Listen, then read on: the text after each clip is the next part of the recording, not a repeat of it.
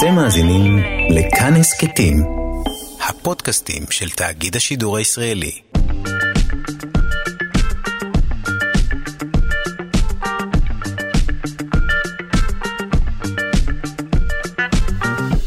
שלושה שיודעים. שלום לכם! מחאה עולמית בנושא האקלים. ביום שישי מחאה עולמית נגד ממשלות העולם שלא עושות מספיק כדי לפתור את משבר האקלים. יותר מ-4 מיליוני אנשים במעל 180 מדינות השתתפו באירועי המחאה. יותר מ-5,000 אירועים התקיימו ברחבי העולם. מהן הפגנות כמובן, אה, אירועים שנועדו לגרום לה... ממשלות אה, לפעול לפתרון משבר האקלים וההתחממות הגלובלית, ובישראל אה, ביום שישי מאות צעירים השתתפו בהפגנות בירושלים, בסכנין, בתל אביב, בבאר שבע ובחיפה, כשחלק מהמפגינים גם כיסו את העיניים, כפי שהמנהיגים עושים, לטענתם לנוכח מצב האקלים, ואת התנועה העולמית שיזמה את ההפגנות, הקימה ילדה בת 16 משוודיה, גרטה טונברג, אה, שמועמדת לקבל פרס נובל על כך. הנה קולה. This Monday, world leaders are going to be gathered here in New York City for the United Nations Climate Action Summit. The eyes of the world will be on them. They have a chance to prove that they, too, are united behind the science. They have a chance to take leadership. טוב, יותר מארבעה מיליוני אנשים נסחפו אה, ב- ב- ב- בעניין הזה, והיא אכן הצליחה לחולל שינוי ברמת ההפגנות כרגע. אנחנו משערים שזה גם ישפיע על ממשלות העולם. אז שוב שלום לכם, אנחנו שלושה שיודעים בכאן תרבות. אני דודו ארז, היום שלל ענייני מדע וידע וגם. היום מצוין ברחבי העולם יום ההוביט הבינלאומי, יצור בדיוני דמוי אנוש, גיבור הספריו של J.R.R. טולקין, בין היתר ההוביט, אה, שר הטבעות, אתם ודאי אה, שמעתם את הכותרים הללו, לכן נמצא איתנו גם באולפן. מי שייסד את אה, עמותת טולקין הישראלית, רן ברזיק, שלום לך. שלום שלום ובוקר טוב. ממייסדי. ממייסדי, אכן אנחנו כן. נעסוק בשאלות מדוע בספר ההוביט שנמצא בצילו של שר הטבעות, מדוע הספר הזה הוא יצירה מפוספסת. אה, באת ללכלך על ההוביט, אה, ונשמח לשמוע מדוע טולקין שכתב חלקים מהיצירה הזו, ומה הקשר בין ההוביט לטייסים ישראלים שהיו בשבי המצרי במלחמת ההתשה, שזה סיפור אה, מרתק, ובתזמון מצמרר, באמזון הודיעו שצילומי הסדרה החדשה, שתתבסס על סיפורים אה, מעולם שר הטבעות, אה, הצילומים יחלו כבר בחודשים הקרובים. בסדרה תצולם בניו זילנד, בדומה לסדרת הסרטים שביים פיטר ג'קסון. טוב, ניו זילנד נו. כי זה רקע מתאים כמובן. ל- כן, מדינה יפהפייה. אפשר לצלם את זה פה ב... בלבנט. ב... לא, לא חושב שכן. ונעסוק בעוד עניינים. תרופה חדשה ומסקרנת שפיתחה חברת אמורפיקל הישראלית עשויה לשפר את מצבם של חולי סרטן באמצעות השפעה על התהליכים המטבוליים של התאים הסרטניים. מיד, וגם פריצת דרך בטכניון. חוקרים פיתחו טכנולוגיה זולה וידידותית לסביבה להפקת מימן. דרך מאוד מסקרנת להפיק את היסוד הבסיסי ביותר בטבע וההכרחי, בינתיים אגב ליותר לידשנים, בקרוב ככל הנראה זה יהיה קשור גם להנעת מכוניות ואנרגיה באופן כללי. וגם, איך נראה האדם הדניסובי שחי לפני עשרות אלפי שנים? מי שגלש ברשתות החברתיות ודאי נתקל בתמונה של אה, אדם אה, מעט אה, שונה. זהו האדם הדניסובי, מעין סוג של אדם אה, פרה-היסטורי או אדם קדמון. לראשונה בעולם כן אפשר לדעת, אבל איך, איך נראה האדם הדניסובי בזכות חוקרים מהאוניברסיטה העברית כאן בישראל.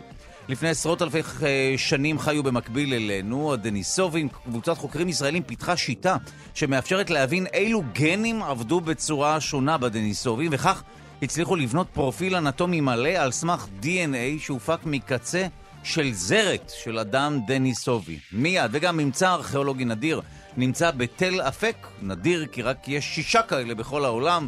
מדובר בתעלה במעין מדרגות, למה הם שימשו?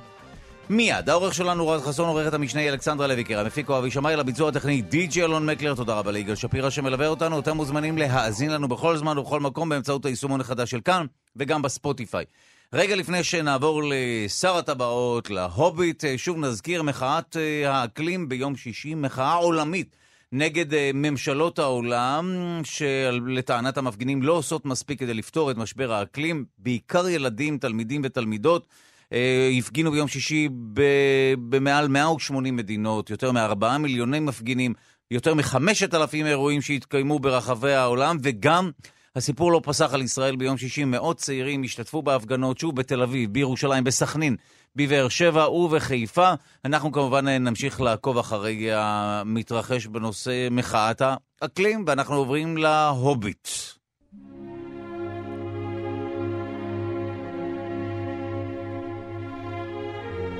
די.ג'יי מקלר אומר לי שזה שר הטבעות, אבל אתה מיד אכן, אה, ת- תסביר לנו מדוע אתה חושב שההוביט זה ספר לא טוב, שר הטבעות למה- הוא למה טוב. ספר- למה ספר לא מדוע טוב? אתה יוצא נגד טולקין וקורא להחרמתו ולהשלכת הספרים מהחלונות? אה, עבודת אלילים לחלוטין. כמובן לתוך מזרנים, כן. והספרים יקפצו בחזרה.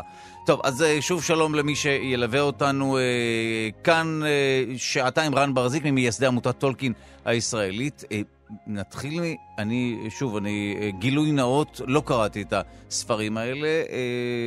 אה, נראה לי ש... מאוד מצער, דבר ראשון. אה, כן, אה, זהו נו, נו, נו, אחר כך שיעורי הבית יהיו לקרוא את כל הספרים, כולל נכון, אה, כל אנחנו הטיוטות. אה, מה- מהילדים האלה שרצו לקרוא את התקציר כשהיו חייבים. אה, אה, גם לא- אני יליד שנות ה-70, זהו, גדלתי כן. עם מחשב, ולא, קראתי את כל הספרים. אבל זה לא מעין, אתם לא מעין כת סגורה. ברור, גם מקריבים ילדים, אתה לא... ודאי, סהרורית לא. שאוהבת את העולמות הדמיוניים הבדיוניים האלה. בשנת 99 עשו סקר אה, בקרב המון המון קוראים, מה יצירת הספרות הגדולה ביותר של המאה ה-20. אה, נחש אה, מה, מה ניצח, אבל בפער, בנוקאוט. כן? שר הטבעות, אכן כן. וואו, אז אני באמת הספרותית- מרגיש אה, פספוס. אוקיי. אה, טוב, אבל לפחות יש לנו את הסרטים. יש לנו גם כמה סרטים, אבל על כך נדבר בהמשך. אבל בשנות ה-30 קם אדם אה, בבוקר, פרופסור... אה, שנות ה-30, אוקיי. בשנות ה-30, 1930, אתה זוכר? אה, עוד מעט צריך להגיד 1930. נכון. אה, קם אדם בבוקר, אה, פרופסור, אתה יודע, באוקספורד, מכובד, ומוציא ספר ילדים, שקוראים לו ההוביט. אה, וזה נראה ככה מוזר. והספר פותח, אתה יודע, בשורה הכי מפורסמת. אני, אה, אה, אני מנסה להבין מה המשמעות של זה שזה פרופסור וכולי, ולא אדם חסר קול שישב בבתי קפה. לא, מובטלת בריטית. אה, אוקיי, כן. נכון, אבל אוקיי. אכן כן. אז נו, כן, אדם וקטעתי אותך ש- שמתחיל במשפט. שמתחיל במשפט הכי מפורסם שיש. בכור באדמה חי לו הוביט. כן, אפילו אני מכיר את זה. נכון. כן. אז, והוא התחיל. ותאמין או לא, תמיד אומרים ששר הטבעות הוא נורא נורא מצליח והכל, אבל ההוביט, גם הוא הצליח. הוא הצליח מאוד. אה, כבר בשנות ה-30 הוא יצא כבר בשתי מהדורות. אה, המהדורה השלישית שהייתה אמורה להיות אה, מופקת, אה, הופסקה כי הגרמנים הפציצו את ה... אה, התחילו להפציץ את בריטניה כן. ושרפו את המחסן שבו היה את כל הניירות, היה אמיתי לגמרי. אבל הסיפור הזה התחיל, וכבר אז, בשנות ה-30, הספר הצנוע הזה, שאורכו 200 ומשהו דפים, הצליח פשוט לסחוף את הקהל הבריטי. יצאו לו באמת אה, שתי מהדורות, וכבר הוזמנה מהדורה שלישית. אה, והכל נראה אה, מאוד מאוד מבטיח, ואז כמובן פרצה מלחמת העולם השנייה. אה, אבל הספר הזה, אם היינו מניחים לו, נניח ג'אר טולקין מעולם לא היה ממשיך הלאה, היה ממשיך את חייו בשקט באוקספורד, כן. הוא היה הופך להיות, כך אומרים, אחת מהיצירות הבריטיות, האנגליות, יותר נכון, לא הבריטיות, האנגליות, המשפיעות ביותר במאה ה-20, בדומה ל"הרוח בערבי הנחל", שבוודאי אתה מכיר. מכיר מסדרה, אגב. אה, מה- זה מהסדרה, בשנות גם ה-70, הסדרה נכון. נפלאה. נכון, נכון. אוקיי. אה, וזה ספר שהוא קלאסי, כי יש בו גם הרפתקאות, והוא גם אה, אה, בעצם נותן מוק- מוקד הזדהות גם למבוגרים וגם לילדים. יש פה כל כך הרבה רבדים נעים. כבר המשפט הראשון, בכור באדמה חי לו הוביט. כבר זה לוקח אותך במשפט לתוך עולם שהוא קסום לחלוטין והוא שונה אה, ממה שאנחנו מכירים. וגם נותן לך כבר שני מונחים שאתה, שאתה אתה כבר יודע מיד מה הם הוביט, שיש הוביטים, ואתה יודע שהם גרים בעצם בורות באדמה. ואז הוא ממשיך הלאה.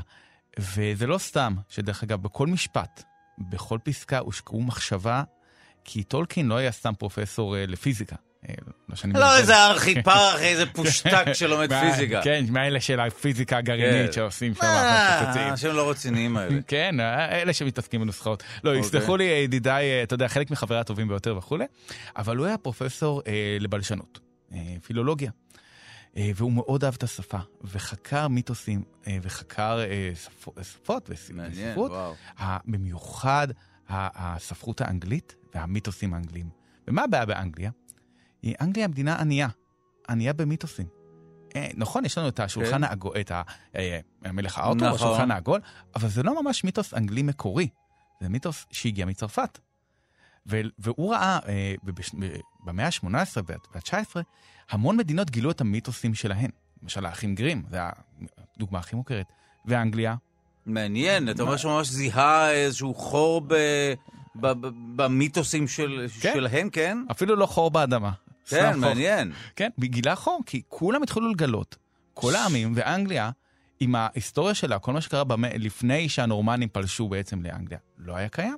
יכול להיות שאנחנו עם שהיו לו הרבה, הרבה מאוד מיתוסים ופחות מדי מדינה באיזשהו כן, שלב. אנחנו פשוט הגענו עם ערימת מיתוסים. אה, כן, דרך אגב, הוא יודע עברית. כן? כן, כן, הוא יודע עברית. אה, אז. כבר יש לנו כותרת.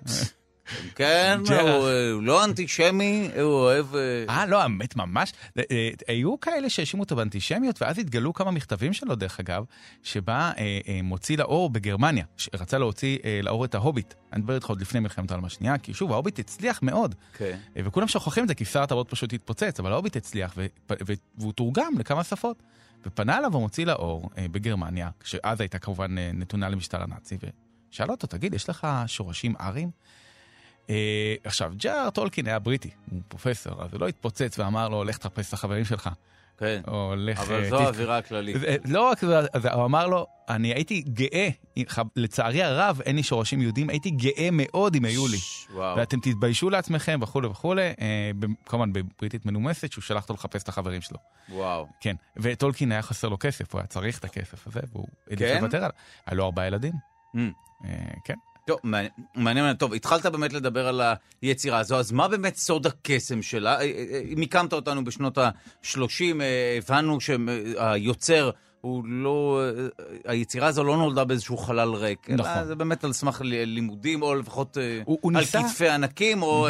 בשנת, ב-1917 טולקין ניסה לייצר מחדש, אז הוא היה בן 20, פליט ממלחמה, בעצם לא פליט, הוא חייל הלום קרב ממלחמה, Mm.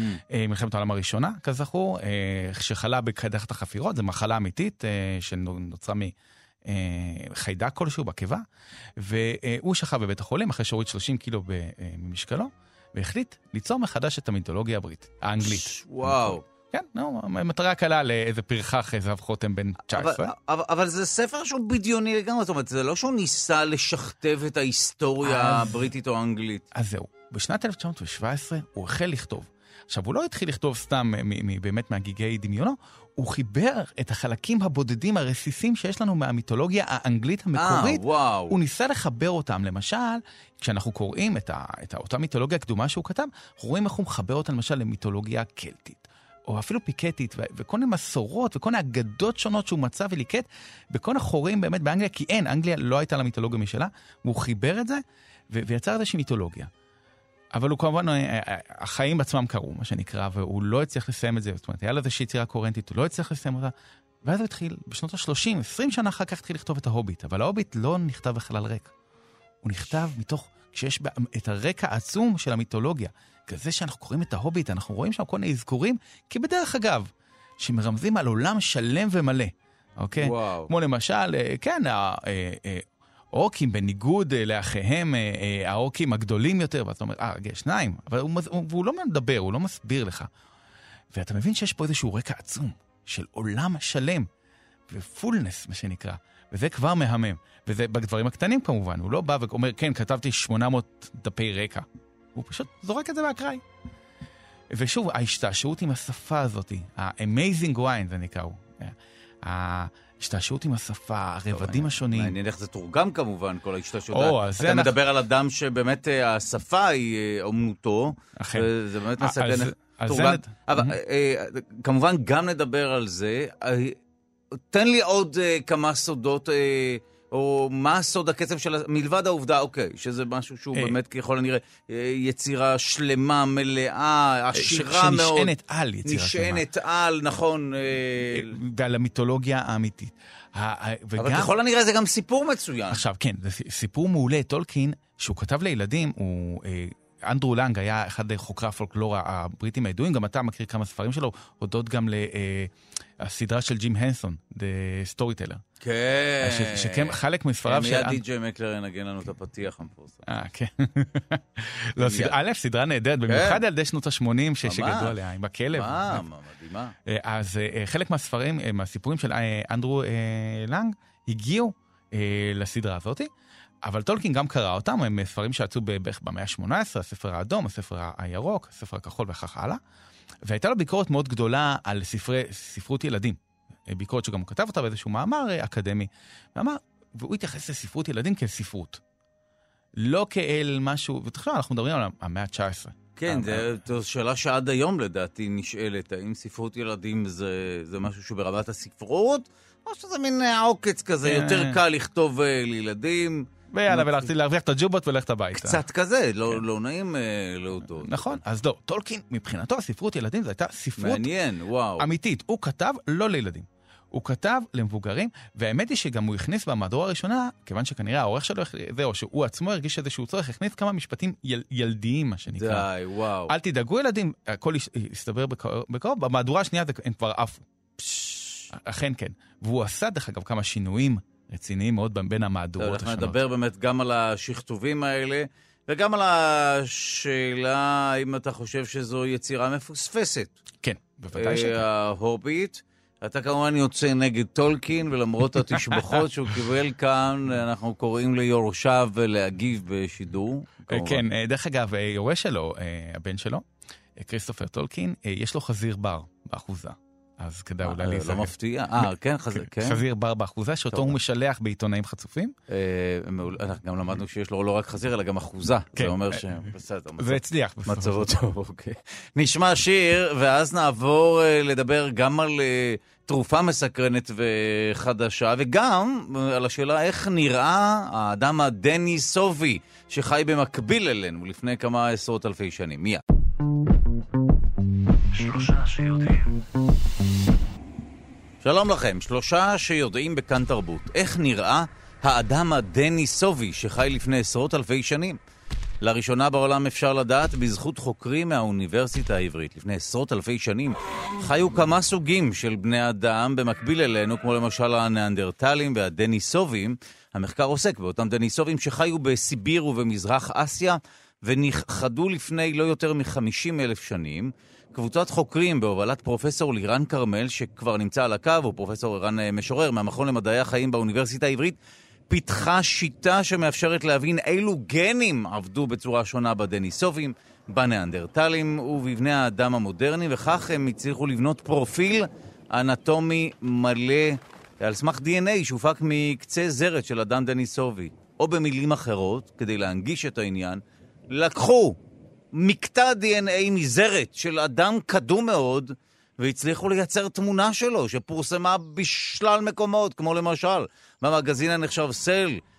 אז עד כמה אנחנו קרובים להקים לתחייה את האדם הדניסובי, וכמובן לגרום לו שוב להתערות בחברה שלנו? שלום לי, פרופסור לירן כרמל מהמחלקה לגנטיקה באוניברסיטה העברית. שלום, בוקר טוב. האם זה יהיה אפשרי גם להקים אותו לתחייה? רעיונית אפשר להתחיל לחשוב על זה, אפילו uh, לאחר שיצא גנום של האדם הניאנדרטלי, אמר כבר איזה חוקר מפורסם אחד בארצות הברית, חצי בבדיחה אמנם, שהם מתחילים לחפש מתנדבת אמיצה. Uh, מכיוון שאנחנו מכירים את ה-DNA שלו באיכות מאוד טובה, גם של האדם הדניסובי וגם של האדם הניאנדרטלי, אתה יכול לחשוב על uh, מין תרגיל מחשבתי שבו אתה לוקח uh, DNA מאדם מודרני, משנה אותו בכל אותם מיליוני המקומות, 아, והופך אותו לאדם ואת, אחר, ואתם יודעים, זהו, שאתה יודע מה המקומות, אז בואו נתחיל מההתחלה, כי זה באמת אחד הדברים המסקרנים אה, והמרתקים שנעסוק בהם היום. בואו ספר לנו איך הצלחתם אה, להגיע ל-DNA עצמו, איך הצלחתם לבודד בעצם את המקטעים שככל הנראה קשורים לאדם הדניסובי. בבקשה. הסיפור של האדם הדניסובי הוא סיפור מדהים, כי עד לפני עשור בכלל לא ידעו שיש דבר כזה, ואז חפרו באיזושהי מערה בסיביר, שנקראת דניסובה, ומצאו שם עצם שקל היה להגיד שהיא עצם של זרת של אדם. והיו בטוחים שזה ניאנדרטלי, ושלחו אותה, באותו זמן היה בעולם פרויקט הגנום הניאנדרטלי, שהמטרה הייתה לרצף את ה-DNA של האדם הניאנדרטלי, ושלחו את העצם הזאת הקטנה לגרמניה, כי חשבו שהיא של ניאנדרטלית, רצו שינסו לרצף אותה, ובאמת, השימור שם היה מעולה, ואפילו שאותה ילדה שהעצם שייכת לה מתה לפני 70 אלף שנה, יצא DNA באיכות מצוינת אה, מתוך העצם. מאיפה, זאת אומרת, מהיכן ה-DNA הזה הגיע? זאת אומרת, אה, אה, אז אנחנו צריכים אתה- רקמה חיה, לא? אז העצם, יש בה עדיין את השרידים הביולוגיים. כלומר, אתה קודח לתוך העצם, אה, תהליך ההתאבנות, שבו העצם הופכת בעצם מחומר ביולוגי למינרל, לאבן שאין בו שום סימן אה, בי- ביולוגי, לוקח מאות אלפי שנים. אם אתה תופס את זה בשלב שהתהליך הזה עדיין לא הסתיים, אז, אז יש עדיין חומר ביולוגי בתוך, בתוך אותה עצם. עד וואו. היום כבר הצליחו להפיק DNA מעצם, משיניים, ואפילו בדברים שיותר קרובים להווה, גם מעצמות. פש, ואז, אוקיי, אז הצלחתם... אה, או- משערות אה, התכוונתי. אה, אוקיי, והצליחו באמת לבוד... ממש לרצף את ה-DNA של אותה ילדה? ממש את ה-DNA של תעדה באיכות מצוינת, באיכות שהיא משתווה לזאת שאתה יכול לעשות היום לבן אדם מודרני. יש לנו, וזה, וזה יצא מקרה מאוד מאוד מעניין במדע, משום שא' זאת הייתה הפעם הראשונה שבו זן חדש של בן אדם התגלה אך ורק על סמך ה-DNA. אי אפשר היה להגדיר אותו על סמך העצם. אז אולי אה, פרופסור אה, אה, לירן כרמל תספר לנו, מה זה אומר זן חדש? אנחנו שמענו על הניאנדרטלים וגם הבנו שככל הנראה גם בחלק מאיתנו, אה, מי שלא ניאנדרטלים, יש מקטעים, מקטעי DNA שלהם, אבל בוא ספר לנו, במה ההבדל הזה בין קבוצות בני האדם ניכר? זאת אומרת, מה, מה מהות ההבדל בין קבוצות בני האדם? או, זאת הייתה השאלה שלנו. זאת אומרת, קודם כל, גם האדם הדניסובי, יש אוכלוסיות בעולם המודרני שיש להם DNA דניסובי, אפילו לא מעט לפעמים. אה, אבוריג'ינים באוסטרליה, אנשים באים של האוקיינוס השקט, יש להם עד 6% אה, מה-DNA וואו. שלהם הוא בא מהדניסובי. כלומר, מה שאתה רואה פה זה שבעצם היום אנחנו כולנו אה, הומו ספיאנס נקראים, אבל אם היית חוזר אחורה אה, 100 אלף, 200 אלף שנה בזמן, היו זנים שונים, מאוד מאוד דומים, אבל בכל זאת קצת שונים של בני אדם שחיים פה, והם גם עשו אינטראקציות ביניהם, עם הניאנדרטלים, עם הדניסובנים, הניאנדרטלים, עם הדניסובנים אנחנו יודעים, זאת אומרת, אה, הם היו מאוד קרובים, ואחד הדברים שהכי מעניינים אותי במעבדה שלי במחקר זה באמת למצוא את, אותן, את אותם ההבדלים, להבין, בסופו של דבר אנחנו נשארנו והם נכחדו, מה שאני מנסה מאוד להבין זה איפה ההבדלים, במה אנחנו שונים מהם, והאם השוני הזה בינינו יכול להשתקף באיזה שהם הבדלים ביולוגיים. ובאמת קשה, קשה להצביע על הבדלים אה, ברורים, כי הם נורא נורא דומים לנו. ובמיוחד, ועכשיו על ניאנדרטלים אנחנו יודעים המון על ההבדלים בינינו, אה, משום שיש המון המון אה, ממצאים. כל הממצאים של הדניסובים, עד הרגע הזה שאני מדבר איתך, זה העצם הזאת מעזרת, כמה וואו. שיניים ולסת תחתונה. חוץ מזה, לא תגיד, ידוע עליהם כלום. אולי זה זיוף? בדרך כלל כשמוצאים אה, פריט אחד, מדובר באיזה קוף שחיברו לתרנגולת, קשרו היו- ויצא איזה קומבינה. היו דברים מעולם, אבל uh, היום כשבעולם ה-DNA, uh, קל, קל מאוד לראות uh, שזה אותנטי. וואו. אוקיי, כן. אז ואיך הצלחתם, לב... אני אני מנסה להבין, כשאנחנו רואים רצף אה, של גנים, אז האם אתם אה, יכולים באמת אה, להבין אילו רצפים מאפיינים דווקא אותם, אילו רצפים משותפים יש בינינו לבינם?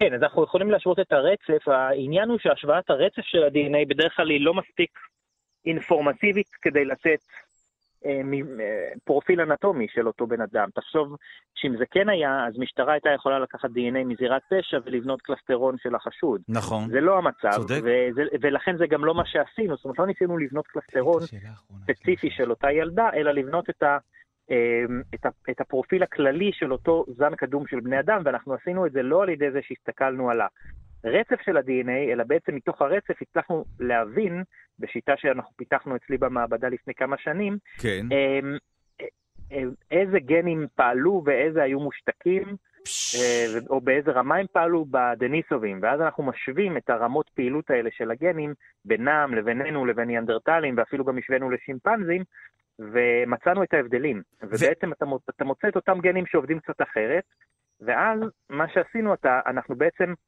מסתכלים במחלות אנושיות ורואים מה קורה בגוף שלנו, כאשר וואו. אותם גנים שאנחנו יודעים שעובדים אחרת, מה הם עושים לנו בגוף. וככה אנחנו יכולים לבנות את הפרדיקציות. ואז שלנו. בסופו של דבר הגעתם ממש לסוג של תמונה, שפורסמה אגב בשלל אה, אתרים בכל העולם, תמונה של אה, אישה, נכון? זו הייתה אישה אה, דניסובית. נכון, ילדה למעשה. ילדה. היא, היא, היא נפטרה כשהייתה בת 13. טוב, מי יודע מה היה אז, אני- אולי זה היה גיל המוות, בדרך כלל. אה, אבל, אולי. אבל וואו, ובאמת על סמך פרופיל גנטי, גם, טוב, יש מרחק כמובן בין פרופיל גנטי לבין התמונה הזו, ובכל זאת אתה אומר לי שכן, הצלחתם ל... באמת לייצר את התמונה הזו, להפיק את התמונה הזאת על סמך ה-DNA, פחות או יותר, כן, ו- עכשיו, עם הרבה מאוד טריקים, כן. עכשיו אנחנו למעשה קיבלנו אישור לפרופיל, קודם כל בדקנו את זה גם כי אה, בנינו פרופילים של שימפנזים ושל אה, ניאנדרטלים לראות שהשיטה עובדת, אבל אחר כך, אחרי שהצענו לעולם בעצם את הפרופיל של הדניסובה וכבר שלחנו את המאמר, קיבלנו בעצם אישור בלתי תלוי לשיטה שלנו, כי תוך כדי זה שהמאמר היה בסקירה, אה, יצאה הלסת התחתונה, אה, פעם ראשונה בעולם שיצאה לסת תחתונה של האדם הדניסובי מטיבט, כן. וללסת הזאת היו כמה תכונות מיוחדות, ואת כולן אה, חזינו ב- וואו. בפרופיל שלנו. שמע, די מדהים. אגב, אתה הזכרת שאלה אה, מסקרנת תוך כדי השיחה הזו. מ- אה, ממה הם נכחדו האנשים האלה? אף אחד לא יודע. זאת אומרת, ידוע שזה קרה אחרי שההומו ספיינסים הגיעו לאזור, כי התערבבנו איתם, אבל איך ולמה זאת שאלה שהיא אחת המסקרנות ביותר בתחום האבולוציה של האדם, ולאף אחד אין תשובה עדיין, עד היום. אז שימו לב, אה, מתוך איזשהו מקטע DNA שהופק מזרת של ילדה אה, דניסובית, אה, החוקרים, בין היתר החוקר שאיתו אנחנו מדברים, פרופסור לירן כרמל, הצליחו להפיק ממש תמונה. של אנשים שחיו במקביל אלינו ככל הנראה, כמו שאנחנו ההומו ספיאנס, וקיימים גם כמובן ניאנדרטלים, גם הדניסובים שחיו בסיביר. אה, ובמזרח אסיה, ואכן אתם מוזמנים כמובן אה, לגגל ולראות את התמונה המדהימה שהפיקו פרופסור ערן אה, משורר ופרופסור לירן כרמל, שאיתו אנחנו מדברים. כך נראתה האישה הדניסובית, או לפחות הילדה. אה, כמובן, היא הייתה, בת, אה. היא הייתה צעירה, כמובן, אה, וזו הפקה למעשה של תמונה מתוך מקטע DNA, שבו בודדו החלקים שאפיינו באמת את האדם השונה הזה. אז רגע לפני שאני אסיים את השיחה, רן ברזיק רוצה לשאול שאלה, בבקשה. כן, האמת היא ששוב, היום יום ההוביט, ונשאלת השאלה, האם אנחנו יכולים לשחזר גנטית את ההוביטים הקדומים שהתגלו באי פלורס? הלוואי והיינו יכולים, זה יהיה אחד הדברים המסקרנים לעשות, אבל אה, נכון להיום היו שני ניסיונות להפיק DNA מהם והם לא הצליחו. כלומר, או. נכון להיום אין לנו DNA מהם. זה, איפה שהם גרו זה אזור טרופי שהתנאים לשימור DNA הרבה יותר קשים.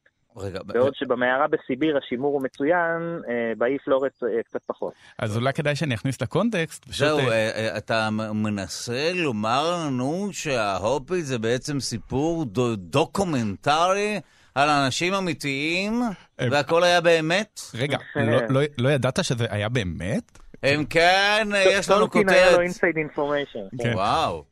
חבל, לא לא נוכל על מי- לראות על אותם מי הולכים. אתה מדבר, אה, ברזיק? על אילו אה, אנשים? אה, נמצאו לפני כמה שנים הומנידים באי פלורס באינדונזיה, כן. ושמיד זכו לכינוי הוביטים, כי פשוט הקומה שלהם הייתה מאוד נמוכה. וזה כמובן אה, הוביל לגל אה, אה, שאלות וספקולציות, אה, וכנראה שלא נוכל לענות עליהן, כי אי אפשר לשחזר את זה גנטית, את ההוביטים. טוב, אני אמסור לפיטר ג'קסון. זהו, מס- מסקרן, אבל נראה שזה סתם קראו להם כך כי הם היו נמוכי קומה, נכון? או כמובן. שלא. נכון, הם היו אנשים בגובה מטר בערך. אנחנו מודים לך על השיחה המרתקת הזאת, פרופסור לירן כרמל מהמחלקה לגנטיקה באוניברסיטה העברית. תודה לך. בבקשה, יום טוב. אנחנו שוב נחזור על הכותרת. האדם הדניסובי חי במקביל אלינו לפני עשרות אלפי שנים, הם נכחדו לפני יותר מ-50 אלף שנה.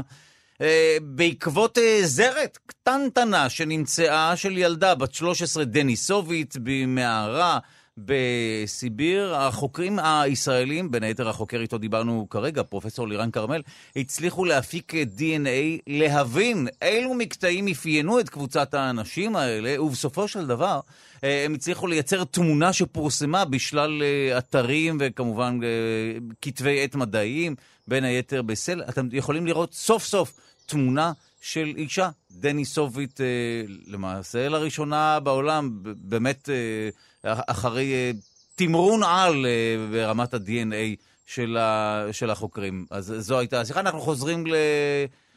לרן ברזיק, אתה הזכרת את הסדרה כמובן סיפורי אה, עמים, הנה הפתיח שאנחנו כולנו זוכרים. היי. מדוע לא להקריפ את הילדים ביום שישי? קצת מקריפ, אבל אה, מרתק. כן, האמת היא ש... טוב, בובות זה דבר מקריפ באופן כן, כללי. גם הבובות, הכל היה מסתורי ומושלם גם. הבימוי היה מדהים, המעברים. הסיפורים. מה זה? האמת היא שאני רואה את הסדרה עד היום, אפשר למצוא אותה ביוטיוב. היה גם בנטפליקס באיזושהי תקופה, דרך אגב, והראיתי את זה לילדים. זה היה, עובדה שזה הותיר בי חותם אה, עשרות שנים אחרי, גם המוסיקה, גם הבובות, הכ- הכל. הכל, הכל. טוב, בובות. זה, דבר קריפי, יש, לציין, לא יודע אם יצא לך לראות את אה, אה, שאלתיאל ממגדיאל, אם אתה זוכר את ה... לא, לא, אתה כמובן מדבר על פלטיאל. פלטיאל, ממגדיאל, לא, שזה, אתה נוגע פה בדמות האהובה עליי, פלטיאל. האהובה? הנה אה, מיד אה, די.ג'יי מקלר יארגן מיוטיוב קטע של פלטיאל, לא. יוסי גראבר האגדי, אגדי. שעשה את הדיבוב לבובה, שבאמת פלטיאל ממגדיאל, שהשפתיים לא נעו, אני כבר לא זוכר באיזו תוכנית הוא היה משולב. שמו את זה ברכבת ההפתעות. נכון, אה, טוב, ד- רכבת ההפתעות היה מין, אה, אתה יודע... לא, זה היה בבית של פיסטוק. היו הרבה אה, סרטונים כמו בזיק ויויו ששולבו בקישקשתא כן. וכולי, כל פעם במקום אחר, ובסופו של דבר הדברים האלה מצאו את דרכם לרכבת ההפתעות באמת. הביובית של שנות ה-80. אה, מה זה, אתה רואה, אני יותר עדין ממך, אבל אתה צודק שהייתה דמות, בובה כזאת מוזרה שלא הייתה מניעה את השפתיים. ז- מקל של מטאטה. זה הוא המקל היה של מקל של. מטאטה? אכן כן, אתה יכול להסתכל ביוטיוב. אה, ו- תקשיב, אני עכשיו אה, אה, בדיוק, בודק. תעזוב אותי מההוביט, פלטיאל, לא פחות פלטיאל ממגדיאל. כן. אה, אה, אני זוכר, הנה! לא ממש מקל של מטאטא, אבל משהו עם עיניים, אף וקרה מוזר אל- כזה. אל תראו לילדים. הראיתי את זה לבן שלי. דרך אגב. אה, טוב, הוא- הוא הוא נורא הוקרפ מזה, והוא בן 19, הוא בצבא. די, אם כן הילד אה, בחר לברוח מצה"ל והצטרף לצד"ל. הוא שאל אותי, די. ככה החיים שלנו נראו בשנות ה-80. תקשיב, זה היה מדהים.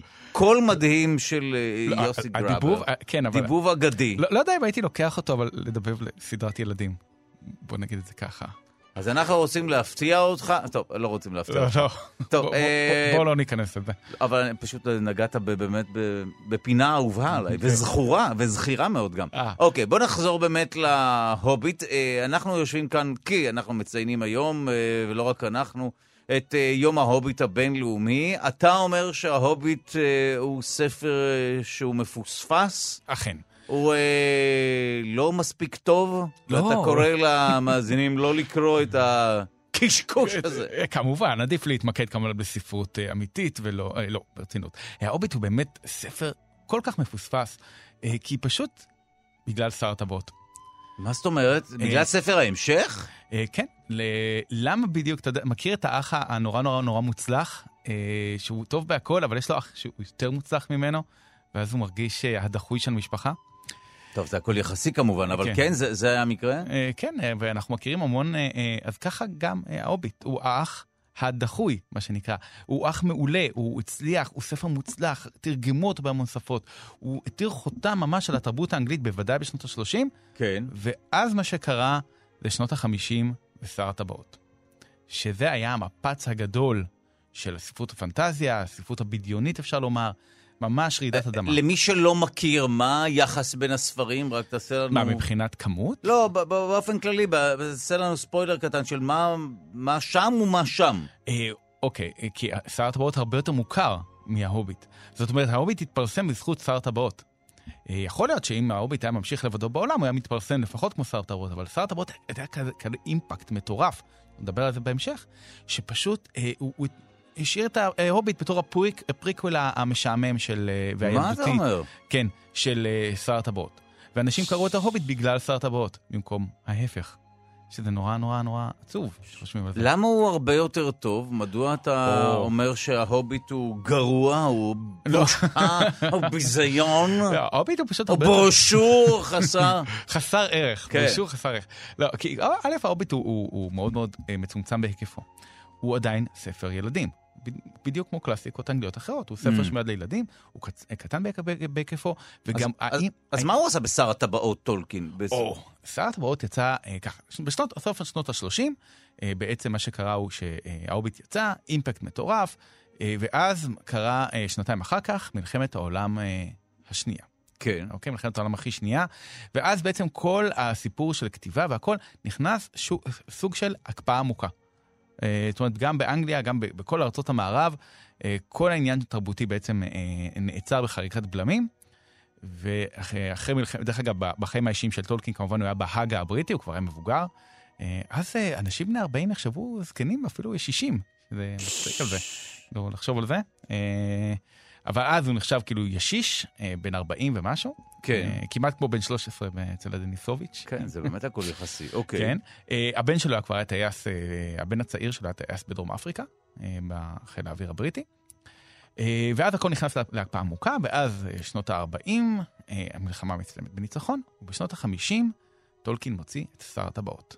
ספר שעליו הוא שקד בעצם במהלך שנות ה-30 וה-40, וזה כבר שינה את הכל.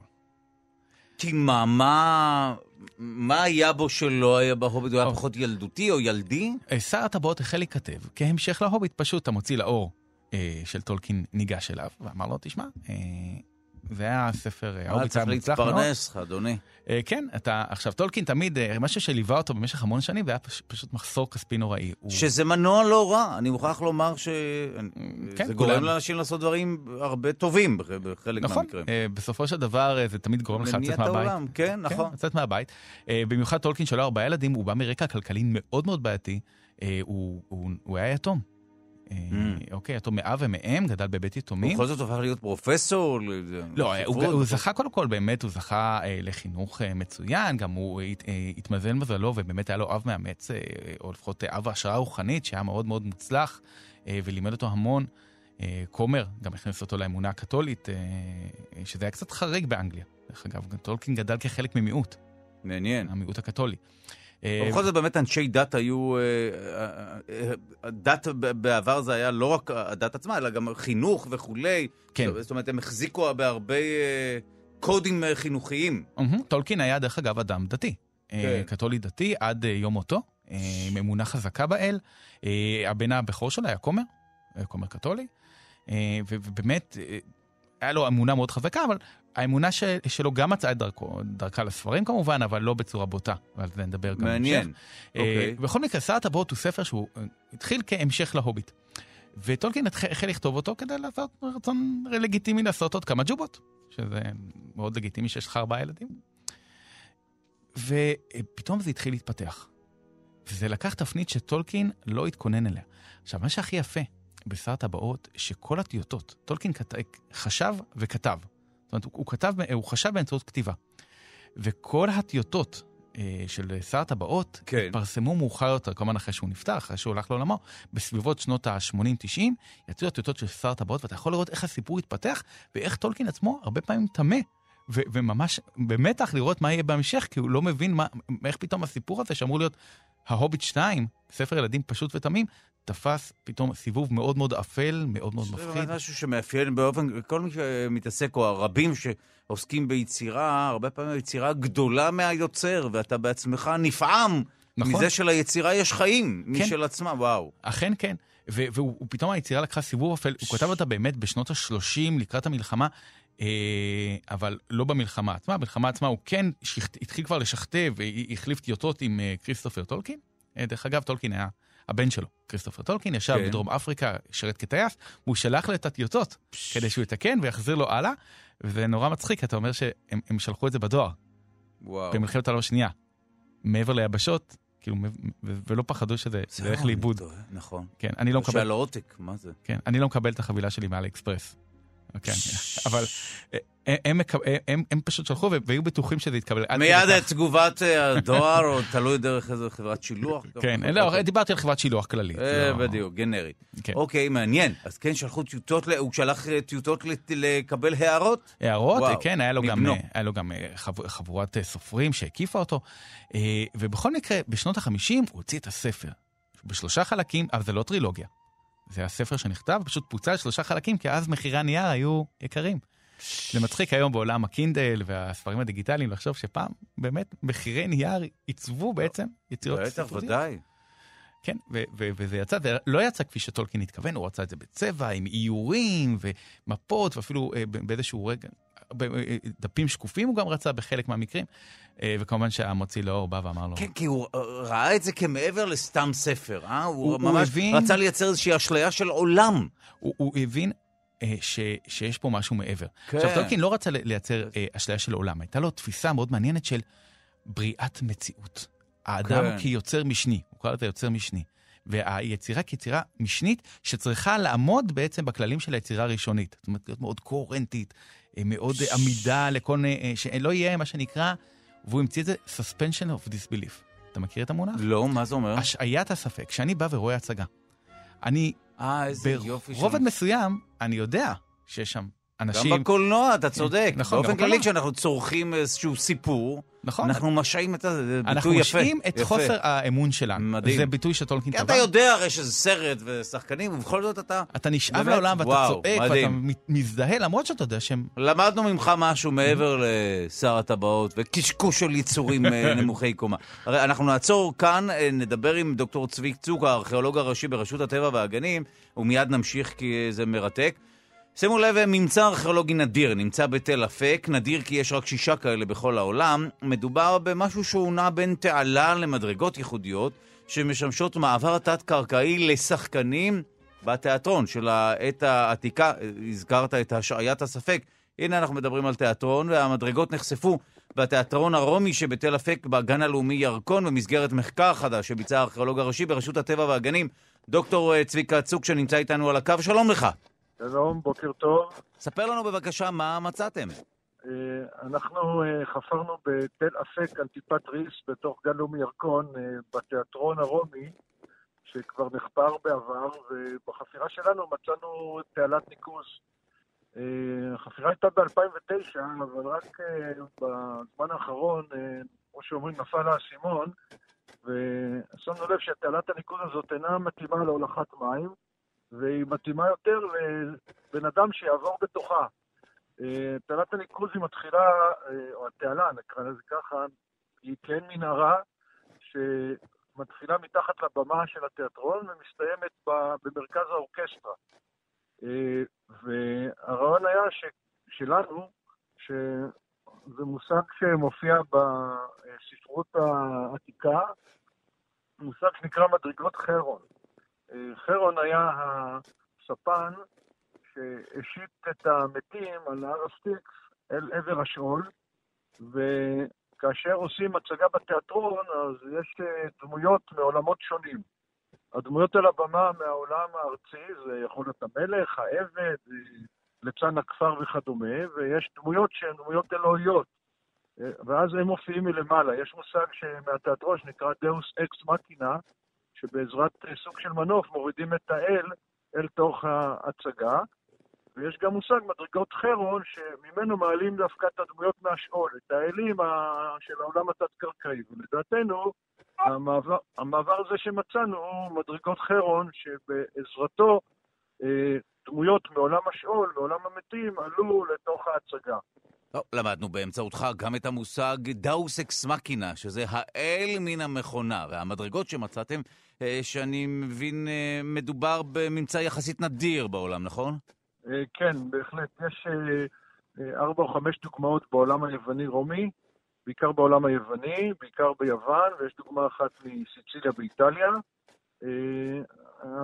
אה, הדוגמאות הללו הן יותר אה, קדומות, והסיפור שלנו הוא שייך דווקא לעולם הרומי, שזה עושה את זה קצת מוזר. נכון? אני מוכן אה, להמר על העניין הזה ב-90 אחוז, אבל לא ב-100 אחוז לחלוטין, אנחנו גם עושים אה, בדיקות נוספות. אה, בכל מקרה, אה, גם אה, צריך להגיד עוד דבר, שבדרך כלל מדובר במנהרה אה, שבן אדם יכול ללכת בזקוף ולעלות אחר כך במדרגות מעץ, שהם כיום אינם. במקרה שלנו מדובר במנהרה צרה יותר, שבן אדם היה צריך אה, לזחול. אבל זה אפשרי, אנחנו אה, תרגלנו את זה, כמו שאומרים, כך שזה בהחלט אפשרי, ואנחנו חושבים שזה הדבר, כי התעלה, המנהרה הזאת היא בהחלט לא תעלת ניקוז. כשאנחנו מדברים על התקופה הזו של התיאטרון, באילו שנים שחקנים באמת השתמשו פיזית במדרגות האלה? אה, התיאטרון הוקם כנראה במאה השנייה לספירה בזמן פריחתה של העיר אנטיפטרס, נקרא תקופה הסוורית, סוף מאה השנייה, תחילת מאה השלישית לספירה, והוא הסתיים ב-363 לספירה, כשרעש אדמה אז פקד את המקום ואת כל הארץ. עכשיו, אם סקרנים כמוני רוצים לבוא ולראות את המתקן הזה, את המדרגות, זה אפשרי? זה פתוח לציבור? כן, קודם כל צריך להגיד שזה לא ממש מדרגות, אלא כמו שאמרתי, זאת מנהרה. לצורך בטיחותי אנחנו חסמנו את הפתח של הכניסה דרך האורקסטרה בסורג מעץ, אבל רואים את זה, ואפשר לראות את זה גם מהצד השני, דרך הבמה. זאת אומרת, זה אתר פתוח, התיאטרון הזה הוא חלק מאתרי הביקור בגן הלאומי. דרך אגב, עכשיו מוביל אל התיאטרון שביל החצבים, והחצבים פה ממש פורחים בשיאם. אז זה תוספת על הביקור בחלק הזה של התיאטרון. דוקטור צביקה צוק, אני רוצה להודות לך על השיחה הזו, וכמובן להצטרף להזמנה שלך את הציבור להגיע למקום. בבקשה. ואנחנו עוברים לדוקטור מיכל חמו לוטם, מומחית לחדשנות ברפואה. עדכונים חמים מהכנס הבינלאומי למדיניות בנושא בריאות. שלום לך. שלום, בוקר טוב. מה היה בכנס? היה נורא מעניין, ולא במקרה לקחו את כל הכנס השנה עם באמת מאות אנשים, כולל באמת מיטב המרצים מהעולם, לנושא החדשנות. ואני אביא לכם צינוק אחד, כי היה, אתה יודע, ימים עמוסים. בשמחה, רק איפה היה הכנס? הכנס היה בבנייני האומה, משהו ככה באמת מרגש של המכון הלאומי למחקרי בריאות, בהובלת פרופסור רן בליצר השנה היה האירוע, ואני רציתי ככה לשים זווית של כל הנושא של ממשק מוח מחשב, מה שנקרא Brain Computer Interface, כי זה איזשהו תת-נושא של, של כל מה שאפשר לקרוא לו רגע מעולם המדע בדיוני סייבורגים, שמתפתח בצורה דרמטית. מה קורה? הרי אנחנו תמיד, אה, כבר עשרות שנים הרופאים יודעים לקרוא גלי מוח, נכון? עושים בדיקת אה, גלי מוח EEG, למשל אה, לאבחון של אפילפסיה. אז מה השתנה? השתנו שני דברים מרכזיים. אחד, שבעצם הבינות המלאכותיות, היכולת לפתח אה, אה, יכולות קריאה, יודעת לקחת את מה שקורה במוח ולתרגם אותו למילים, לתמונות, ממש אפשר לקחת מחשבות ולתרגם אותם. וואו. והדבר השני זה שיש לנו סנסורים הרבה יותר חכמים. זאת אומרת, אנחנו רואים יותר ויותר חברות, חלקם סטארט-אפים לגמרי, וחלקם uh, MIT Lab למשל, או פייסבוק, שבאמת נכנסות לתחום הזה, ובאמת מפתחות devices שונים, שרוכבים על הראש, מין כל מיני devices, שפשוט לוקחות, ו- לוקחות את המחשבות שלנו, ואו הופכות אותן ל... מדוברות בשקט. אנחנו, אנחנו יכולים לחשוב את המילים והמחשבה, והמכשיר קורא את זה ועונה לנו, כל מיני שאלות ששאלנו. או הופכות אותן לתמונות, או מתרגמות למשל את מה ששמענו, את מה שהמוח שומע. זאת אומרת, באמת, אנחנו מתחילים לעשות ביו-האקינג, באמת פריצה לתוך הקופסה הכי מעניינת בעיניי באנושות, באמצעות הטכנולוגיות החדשות. שלזה יש יישומים מדהימים בעולמות הרפואה, כמובן. אז, אז רגע, עכשיו... מה, מה רמת באמת היכולת לתרגם מחשבות ל, לגרפיקה, לתמונה, ל, למילים, איפה, כן, למילים. בדיוק. איפה זה נמצא? זה, תקשיב, זה הולך ועולה. אני עכשיו, ככה, לקראת הפינה שלנו, התחלתי להסתכל מה קורה. באמת, יש כבר מאות דוגמאות, עשרות אה, אה, devices שכבר נמצאים. מי בפייסבוק שכבר דיברנו על זה, שמדברים על כ-70 אחוז דיוק, ועד אפילו אחוזים גבוהים יותר, ושוב, תלוי מה. למשל, התרגום של תמונה, ממש הלכתי לראות איך זה נראה, אז לפעמים אתה יכול לראות שהמחשב יצר איזו תמונה שאתה יכול לקרוא אותה. למשל, ניתן לך דוגמה מה עושים. אומרים לבן אדם להביט על תמונה, לדמיין אותה, ואז רואים על מה הוא מביט, ואז נותנים לאלגוריתם לקרוא את מה שקורה לו במוח, האלגור... ואז אפשר להשוות בין התמונה שאתה חושב עליה, לבין התמונה שהאלגוריתם סרטט. אז חלק מהדברים ממש אפשר לקרוא, האלגוריתם הצליח, אתה יודע, זה לא אחד לאחד, אבל אתה יכול לראות שיש שם סוסים דוהרים. זאת אומרת, דודו מסתכל על סוסים דוהרים, מדמיין אותם, מדהים, נכון? באמת? חלק זה עוד נראה די מטושטש. זה מדע בדיוני, זה מדע בדיוני. ועכשיו תחשוב שאני מתכננת את המשפט הבא, ויש לי על הראש איזשהו מכשיר, והוא קורא, הוא קורא מה שאתה הולך להגיד למרואיין הבא שלך. אז מצד אחד יישומים רפואיים מדהימים, לאנשים שהם משותקים, שלא יכולים לדבר. אה, נכון, נכון, נכון. נכון? לא נכון, חשבתי על עכשיו- זה, אני כמובן חשבתי מיד על להופיע במועדונים עם מכשיר שמתרגם מחשבות ל... אני חושב על חלטורות. אבל אה, כן, נכון, אפשר לעזור לאלפי אנשים. חלטורות, אז עכשיו אנחנו נקרא את כל מה... וזה הסיכון, תחשוב וואו. באמת בעולם כזה, איך, איך מגנים על מה שיש לנו בתוך הקופסה הזאת, שהיא בכל זאת פרטית ואישית, ואף אחד לא היה באמת אה. אין פרטיות, גם לא אין במוח. פרטיות. אפילו תחשבו לא מחשבות חיוביות. אני אני לא מסכים. בקיצור, brain computer interface, ממשקי מוח מחשב לא חודרניים, בלי אלקטרודות. די. הם פה, הם הולכים להישאר, הם הולכים להתגבר, ועוד בטח נדבר מדהים. עליהם. רגע, אה, אה, רן ברזיק ממייסדי עמותת טולקין הישראלית אמר שהוא לא מסכים למה? לכל המשטר, לתוכנית, אליי כאדם. ליקום. ליקום, אה, לא, אוקיי. בכובעי השני, כן.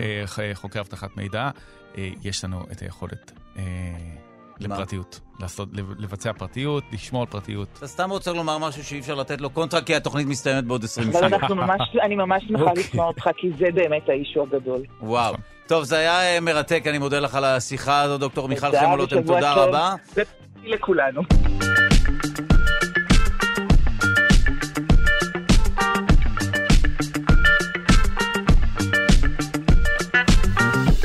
שלושה שיודעים. שלום לכם, האם הבחירות הבאות יעלו למשק הרבה פחות ממיליארד וחצי שקלים בזכות טכנולוגיית הבלוקצ'יין, שמוכרת לנו מהביטקוין למשל? מיד על השיטה שפיתחו סטודנטים ישראלים, שיטה שעשויה לחולל מהפכה בקלפי. שוב שלום לכם, אנחנו שלושה שיודעים. בכאן תרבות שעה שנייה, אני דודו ארז, היום שלל ענייני מדע וידע, וגם היום מצוין ברחבי העולם יום ההוביט הבינלאומי. ההוביט הוא יצור בדיוני דמוי אנוש גיבור הספרים של טולקין, J.R.R. טולקין, בין היתר ההוביט, שר הטבעות, ולכן נמצא איתנו כאן באולפן רן ברזיק, ממייסדי עמותת טולקין הישראלית, אז אה, שוב שלום לך. שלום, שלום. אנחנו נעסוק בהוביט ושר הטבעות. אה, שוב נזכיר שבאמזון הודיעו שצילומי הסדרה החדשה שתתבסס על סיפורים מעולם שר הטבעות כבר יחלו בימים הקרובים, בחודשים הקרובים, סליחה, והסדרה תצולם בניו זילנד, בדומה לסדרת הסרטים, סרטי הקולנוע שביים פיטר ג'קסון, ונעסוק בעוד עניינים. שימו לב, מחאה עולמית בנושא האקלים. ביום שישי מחאה עולמית נגד ממשלות העולם אה, על כך שהן לא עושות מספיק כדי לפתור את משבר האקלים. יותר מארבעה מיליוני אנשים ברחבי העולם, במעל 180 מדינות, השתתפו באירועי המחאה. חמשת אלפים, יותר מחמשת אלפים אירועים התקיימו ברחבי העולם, בין היתר גם בישראל. ביום שישי מאות צעירים השתתפו בהפגנות בירושלים, בסכנין, בתל אביב, בבאר שבע ובחיפה, כשחלק מהמפגינים כיסו את העיניים, כפי שהמנהיגים עושים לטענתם, לנוכח משבר האקלים. כאן בישראל, שוב, אנחנו תמיד חושבים שיש לנו, לא חושבים, זה נכון שיש לנו בעיות לא פחות קריטיות, ובכל זאת, אה, חשוב אה, ונעים לשמוע שהצעירים לוקחים חלק גם במחשבות על עתיד, כי אנחנו הרי תמיד סקפטיים. את התנועה העולמית שיזמה, מי שיזמה את ההפגנות האלה אה, היא גרטה טונברג, ילדה בת 16 משוודיה שמועמדת לקבל פרס נובל על כך. אנחנו אה, נעסוק גם בכך, וגם בתרופה חדשה ומסקרנת שפיתחה חברת אמורפיקל הישראלית שעשויה לשפר את אה, מצבם של חולי סרטן. מיד נשמע, וגם פריצת דרך בטכניון חוקרים פיתחו טכנולוגיה זולה וידידותית לסביבה להפיק מימן, היסוד הבסיסי ביותר, אה, לפחות בטבלה המחזורית וגם כנראה בטבע. העורך שלנו רז חסון, עורכת המשנה אלכסנדרה לויקר, המפיק הוא אבי שמאי, על הביצוע הטכני די.ג'י אלון מקלר, תודה ליגאל שפירא שמלווה אותנו, אתם מוזמנים להאזין לנו בכל זמן ובכל מקום באמצעות היישומון החדש של כאן וגם בספוטיפיי. רגע לפני השנה שוב, לשר הטבעות, הנה לבקשתו של רן ברזיק, גיבור ילדותנו.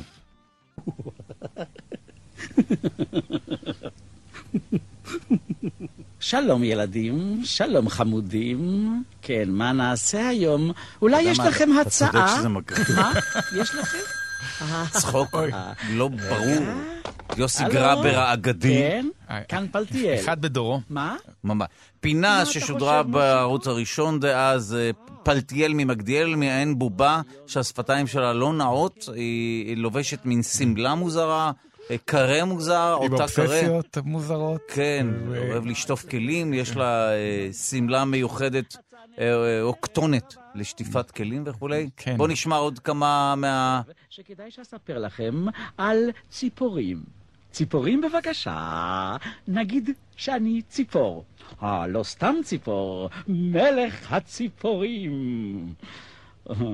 עוד לא ראיתם מלך של ציפורים, אז הנה מיד תראו. לציפור יש ראש, צוואר, רגליים וזנב. ננגיש כן. את הדבר הזה.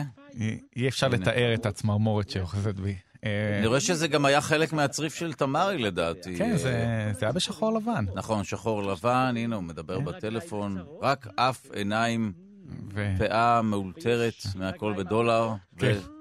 וסטנדרטים של. שנות ה-80. אבל הדיבוב. אבל דיבוב נכון, הוא. האגדי תמיד. כן. רגע, אבל אנחנו נחזור ל... טוב, דיברנו על ההוביט, אה, יצירה, כפי שאמרת, ילדית, אה, לא ראויה, לא. אה, לא רצינית. אה, אתה אומר ששר הטבעות זה הדבר האמיתי, לא, כל השאר אני דווקא קשקוש. אומר- שההוביט הוא הדבר האמיתי, הוא ספר נהדר שהיה באמת... מאוחר מדי להתנצל בפני היורש. כן, היורש... כריסטופר החזיר. עם החזיר עבר. אבל נחזור, ההוביט, ספר מדהים, ספר אה, ילדים מהמם, אה, שבאמת יצא בשנות ה-30 ועשה אימפקט ותורגם והכל, ואז מלחמת העולם השנייה, ופתאום יוצא ההמשך, שר הטבעות. ושר הטבעות... שמה, זו יצירה עשירה יותר, מלאה יותר? קודם כל, כפי שכולם יודעים, הרבה יותר רחבה. אלף עמודים, אה, לא כולל נספחים. הרחבה פיזית, כן. כן, אה, זה כבד לסחוב את זה בכל זאת. אה, אלף עמודים, לא טרילוגיה, שהוא ספר אחד שפוצל לשלושה מה גורם חלקים. לאנשים לכתוב אלף עמודים? תשמע, אפילו. ברמת הכמות אני מתלהב, עזוב. את האיכות. אני מתלהב. מהכמות. כן, אז, באמת, דרך אגב, הוא קיצץ, והוא חתך. אלף כן, עמודים. אלף עמודים, לא כולל נספחים, ולא כולל מפות. וזה יצא. מאיפה, ה- אה, אני לא אומר חוצפה, אבל מאיפה האמונה הזו שמישהו ירצה לק- לקפוץ לעולם הזה? אני חושב ש... שוב, טולקין תכנן לכתוב איזה- ספר המשך ל- ל- להוביט 2, ויצא לו משהו שונה לגמרי, וואו. הוא- זה פשוט יצא ממנו.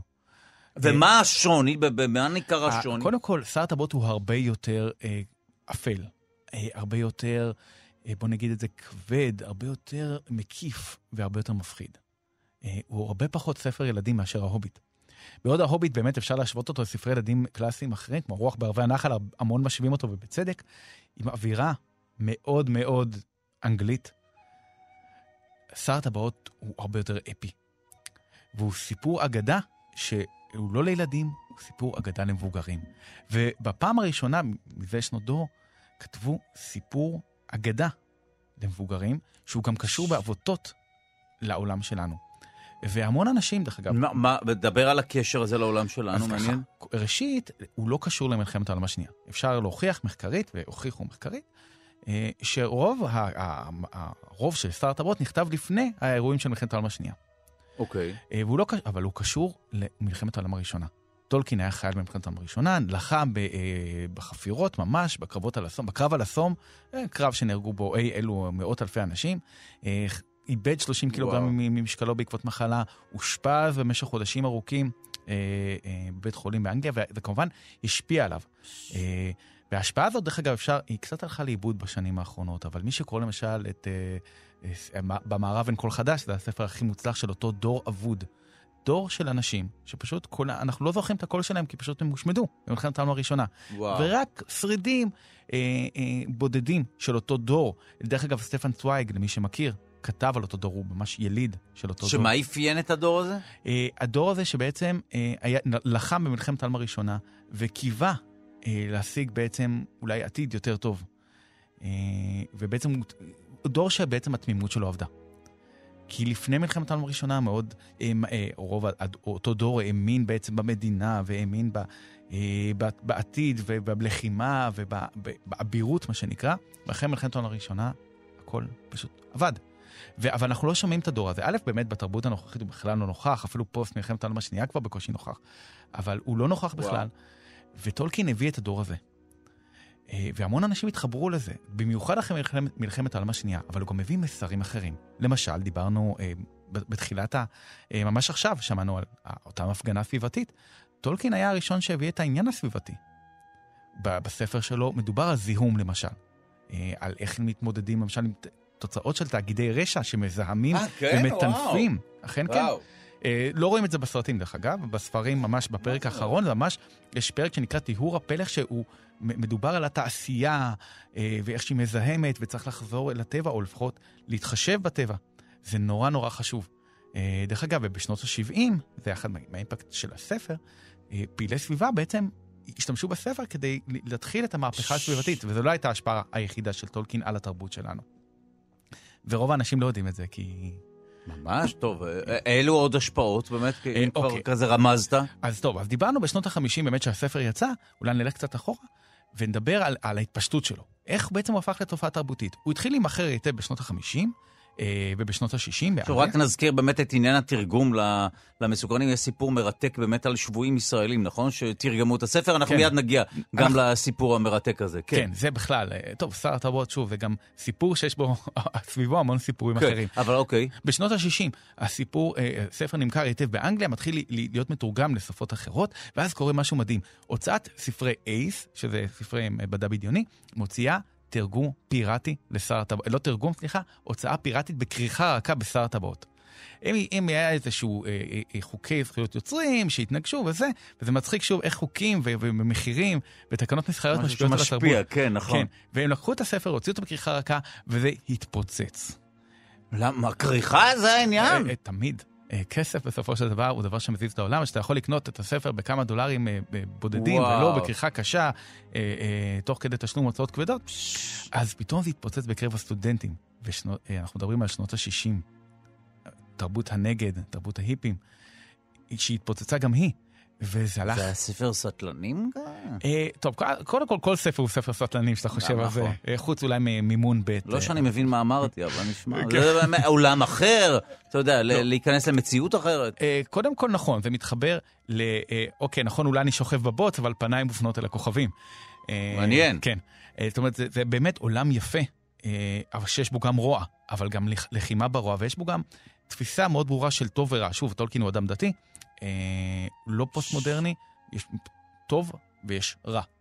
והוא הוא חוזר על זה כל הזמן בספר. הטוב והרע לא השתנו, אוקיי? גם אם... מעניין, אני מנסה להבין אה, את השפעת התנ"ך או כתבי קודש על הספרים האלה, אבל לא... אכן אוקיי. כן. מעניין. דרך אגב, טול- טולקין, גם כאדם דתי, הייתה לו סתירה באמונה שלו. כי מצד אחד הוא נורא אהב תמיד עושים הפגאנים. דיברנו קודם על איך אה, אה, הוא ליקט כל מיני אגדות ושברי נכון. אגדות, ונורא נהנה. כנראה שהוא באמת אהב להתבוסס אבל- באמת באגדות האלה. נכון, וכשאתה קורא על בייוולף, עוד יצירה למשל, אתה, אתה, וכאדם דתי, אה, שמאמין בגן עדן ובגיהינום, במיוחד קתולים שאצלם זה קצת יותר, אה, יותר קשוח. כן. איך אתה פתאום, אתה קורא על בייוולף, על כל הגיבורים האלה, איך אתה מיישב את זה שהם פגאנים עם האמונה שלך? השאלה אם צריך ליישב, אבל אוקיי. אתה צריך, כי אתה מזדהה עם הגיבורים. כן. ואז הוא בא ואמר בעצם שהדברים האלה הם, השתקפות של היצירה הראשית, של הבריאה. מעניין. אוקיי? וזה זה באמת אה, כל מיני אה, סיפורים מאוד מעניינים שלו. בכל מקרה, תרבות הנגד, טולקין, זה פשוט התחבר. שנות וכל- ה-60, שנות כן. ה-60 וה-70, כל סטודנט שהוא קרא את אה, שר הטבעות, כמה מחקרים שעשו בזמן שאלונים, באמת, שגילו שכל סטודנט שני קרא את שר הטבעות, אה, בניגוד לאנשים שיושבים אצלי פה באולפן כרגע. אם כן, אה, קרב חזיתי, דו-קרב ובוז למגיש התוכנית. כן. כן. אתה צודק, אבל אוקיי. והם קראו את זה בשפת המקור, באנגלית. כן, ובכל מקרה זה התפוצץ, והשפיע על המון תנועות. גם תנועה של אה, הסביבתים, אה, הס- הסביבה. אה, הפיצו אז למשל כפתורים של, אה, ו- ו- וסלוגנים, פרודו לנשיאות, גנדלף לנשיאות. אה, המון המון סטודנטים הזדהו בעצם עם התנועה הזאת של להילחם ברע. של להיות חופשי, להתחבר לטבע. זה, וזה עשה אימפקט מטורף, והספר הופץ במיליונים. כמובן שאחר כך הם יש- השוו את תביעת זכויות היוצרים. אה, דרך אגב, יותר מ-100 מיליון עותקים של שר הטבעות. באותם שנים יצאו לאור. אף אחד לא יודע בדיוק כמה, זה כבר מספרים נהיים מטורפים לחלוטין. גם זה עולם פרה-אינטרנט. זהו, זה- צריך להבין באמת שאנשים שאיכשהו מצליחים למכור אלף ספרים, זה כבר נחשב לסוג של רב-מכר. כן. אתה מדבר על מאות מיליונים. כן, ממש וואו. 100, 100 מיליון בשנות ה-60 וה-70. דרך אגב, עד היום, ברשו, בראש הטבלה של המכירות, עכשיו אפשר כבר לראות את זה בקלות, אה, וזה התפוצץ. וואו. זה השפיע על כל כך הרבה דברים. שוב, דיברנו על סביבה, אבל גם למשל על הייטק. איך? יפה. בשנות ה-70 קרה עוד משהו מדהים. התחילה תנועת הקוד הפתוח. שהתנגדה בעצם לשליטה יחידה, שליטה של גורם אחד בקוד. טוב, זה נשמע, עכשיו אני מבין שחצי מהמאזינים נטשו אותנו. אז אה, בוא, תסביר לנו כמובן את העניין, אבל זה משהו שהוא באמת חשוב. אה, כן. אה, ועדיין חלק מהחיים שלנו, השאלה הזו, האם לחיות לפי קוד סגור או פתוח, או להצטרף. נכון, הרבה פעמים אנחנו באים ואומרים, אה, מציגים, שוב, אני, אני בא מהעולם של הייטק, לא ציינו את זה, הרבה פעמים מציגים את התרבות. אתה כאן במסווה, אתה עיתונאי, נכון? נכון, אתה- אני עיתונאי. ואיש אה, הארץ שמדי פעם אה, משתמשים בו כדי אה, לשמוע את אה, כן. דעתו על... אה, אבטחת מידע. כן, בדיוק, אבטחת מידע. אבל, אה, אה, ואני גם ארכיטקט אה, תוכנה ומפתח תוכנה אה, בוורייזון מדיה.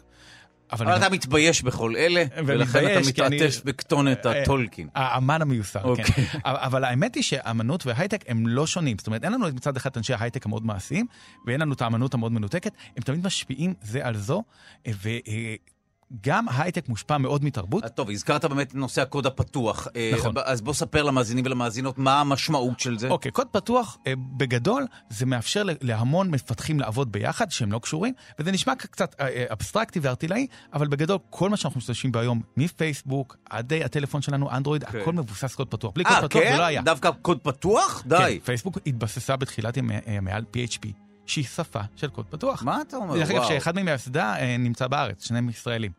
ואז יש גם הודעת שגיאה של פעמיים נקודתיים, אבל אני חורג פה. העניין הוא שהקוד פתוח מאפשר את כל הסביבה המחשובית היום. אבל הקוד הפתוח הוא נועד... הכוונה היא לקוד שהוא ללא זכויות יוצרים, ואז כל לא. אחד יכול להצטרף אליו, או שלא? לא, לא קשור לזכויות יוצרים. אלא? כל אחד יכול, אפשר גם קוד שהוא מוגן בזכויות יוצרים, אה, אבל כל אחד יכול להצטרף. הבנתי, וואו. ולראות, ולהשתתף, ולחוות את דעתו. בקוד עצמו, כן. בזה שאתה כן. כותב את ה... את אתה, ה- אתה, אתה, מקבל, אתה לא מקבל מוצר סגור, אתה מקבל כן. קוד שאתה יכול להשפיע עליו, גם אם זה מוגן בזכויות יוצרים ומקבלים על תשלום, הכל בסדר. אוקיי. זה לא חינמי. אה, והעניין הוא שהבסיס, השורשים של תנועת הקוד הפתוח מגיעים משנות ה-70, וכל הס- האלו שיצרו את תנועת הקוד הפתוח, מריצ'רד סטולמן, אה, שהגיע לכותרות אה, לא בנסיבות טובות בשבועות האחרונים, אה, ועד באמת אה, אנשים אחרים, אה, לינוס טורבלדס, למשל, שיצר את אה, הלינוקס, כולם אהבו מאוד את שר זאת אומרת ששוב, שבמקום לקבל אה, תוכנה כמוצר, כמו שואב אבק, אני יודע איך תכנתו את הדבר הזה. זאת נכון. אומרת, אני כן יכול לראות את מאחורי הקלעים. זה הקוד הפתוח. כן. מאחורי הקוד- הקלעים של התוכנה. והקוד הפתוח עושה, בעצם אומר, אני לא רוצה שיהיה מקור יחיד.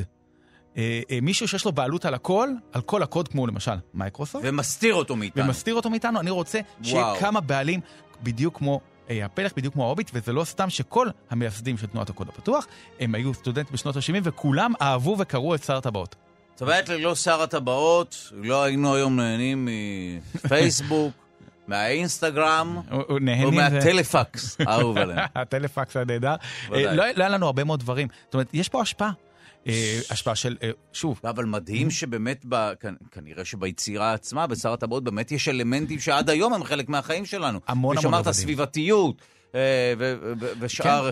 וגם כמובן מלחמה, והתייחסות למלחמה, ואיך המלחמה משפיעה על אנשים, ששוב, טולקין היה חייל ממש פעיל, קצין, ורואים את זה גם, ראו את זה כמובן גם בהוביט, דרך אגב, של איך הרפתקאות וזה, זה לא רק היה עולם בדיוני, כי זה עולם בדיוני שקשור בעבותות חזקות לעולם שלנו. המון אנשים מאשימים את שר הטבעות כאסקפיזם זול, אבל שר הטבעות הוא, הוא הרבה פעמים פנטזיה כמו של 1984 הוא מדע בדיוני. ב-1984 מאוד רלוונטי לחיים שלנו, כן, כן. כן, לא, זו, זו אמירה מאוד כן. אה, חזקה, מה שאמרת עכשיו. אה, זה לא, לא, לא שלי, מקורים, המון חוקרים אומרים- אומרים את זה. אה. 1984 זזה קדימה בזמן. שר הטבעות לוקח אותנו אחורה בזמן, אבל בסופו של דבר כולם מדברים על הזמן שלנו. בסופו של דבר, אם יצירה היא לא קשורה לחיים שלנו והיא תלושה, הרי היא לא תתפוס, היא לא ולכן היא. חייבת להישען על אה, איזשהם אה, יסודות אה, שרלוונטיים לחיים של כולנו. נכון, ושר הטבעות כן. הוא מאוד רלוונטי להמון אנשים, והיה גם רלוונטי לקבוצת טייסים בשנות ה-70.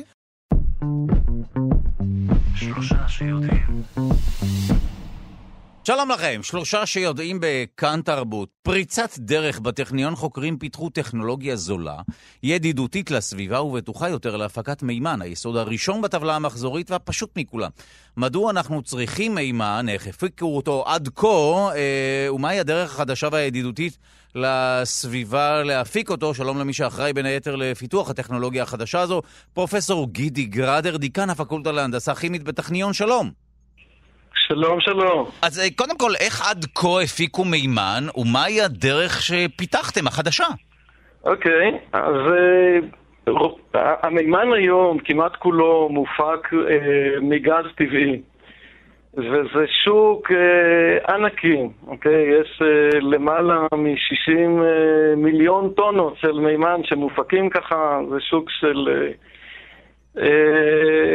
הרבה מיליארדי דולרים, כן, אה, למעלה מ... עכשיו, כשאתה מספר לנו, כשאתה מדבר על גז טבעי שממנו ככל הנראה איכשהו מפיקים את המימן, אה, במה מדובר? באיזו תרכובת יוצאת מהאדמה או מהים או מה שלא יהיה? אז יוצא גז טבעי, בדיוק, יוצא חומר שנקרא מתאן, בדיוק כמו שמצאו אצלנו בים, כן?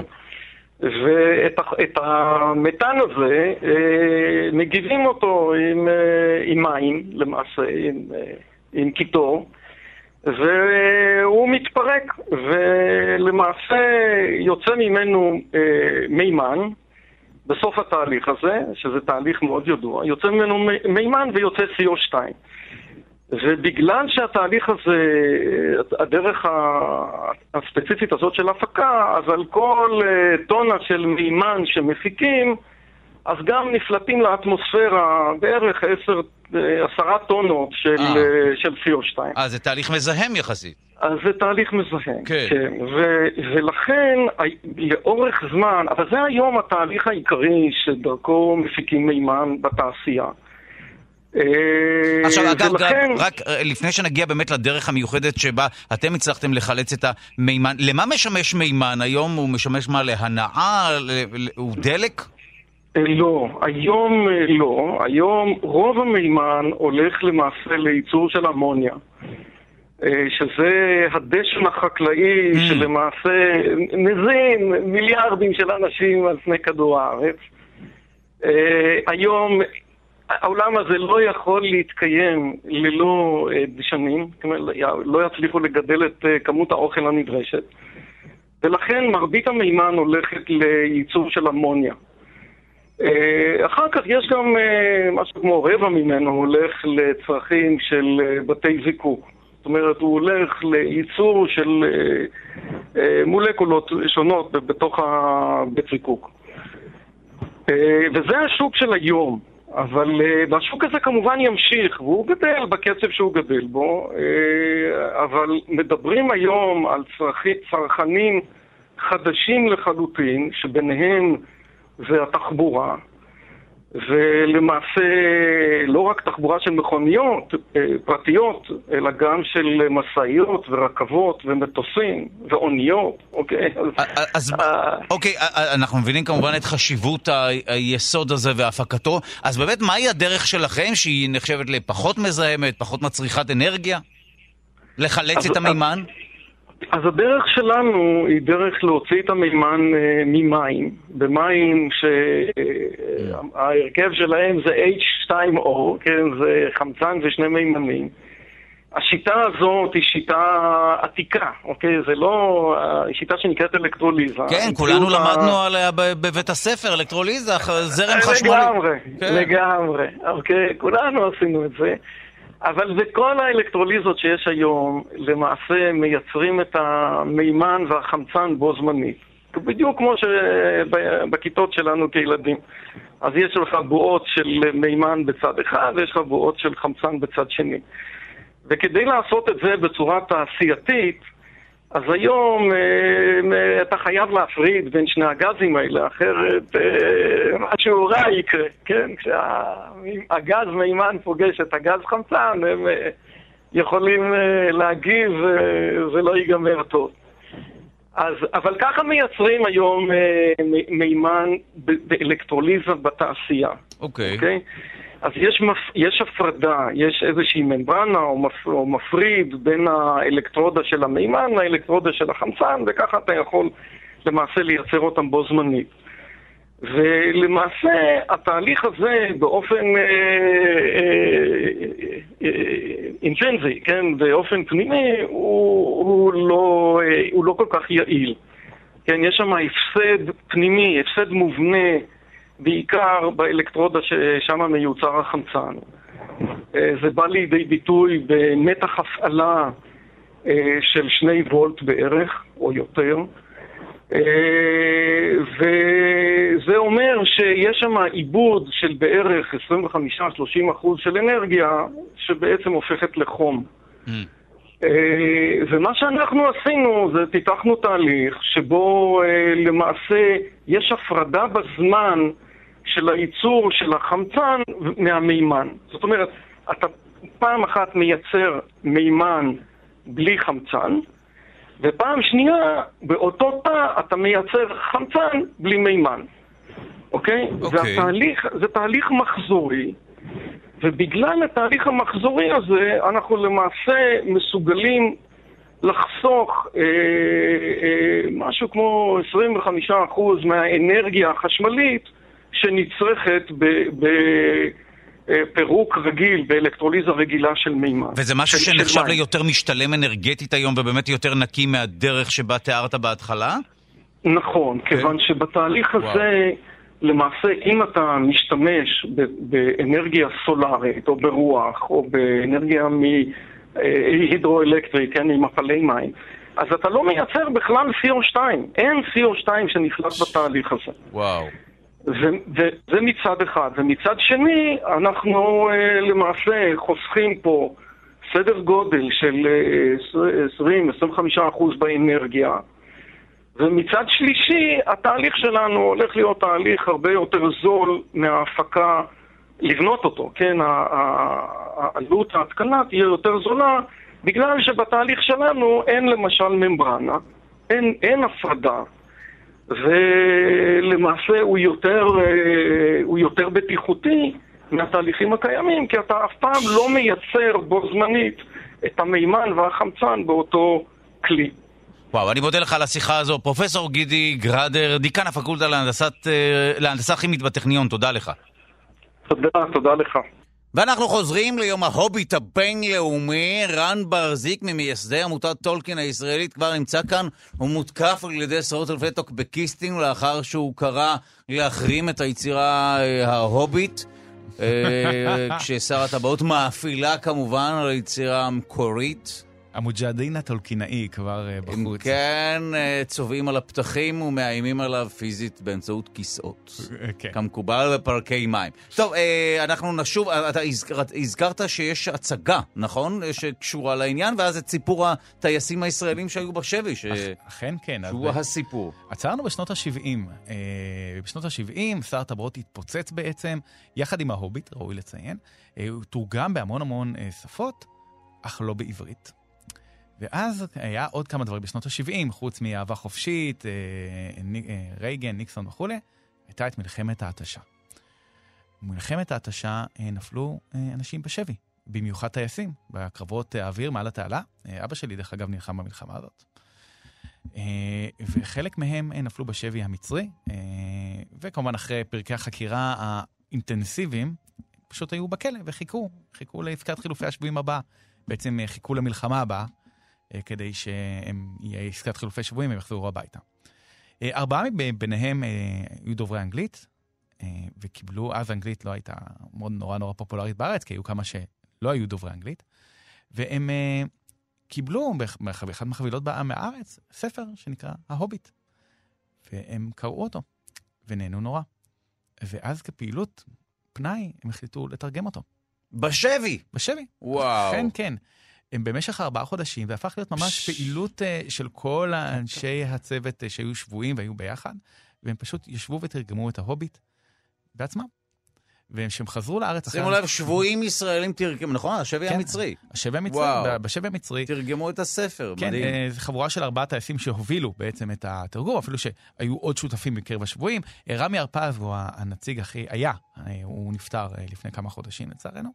הוא היה הנציג הכי בולט של הקבוצה הזאת. כן. אה, והוא, אה, בעצם כשהם חזרו לארץ, הם חזרו עם שבעה מחברות, כתב צפוף של התרגום, ואז הם גילו שכבר תרגמו את ההוביט לעברית. די! כן. אה, היה תרגום של ההוביט לעברית, נקרא התרגום הלבן, אבל לא אלמן ישראל.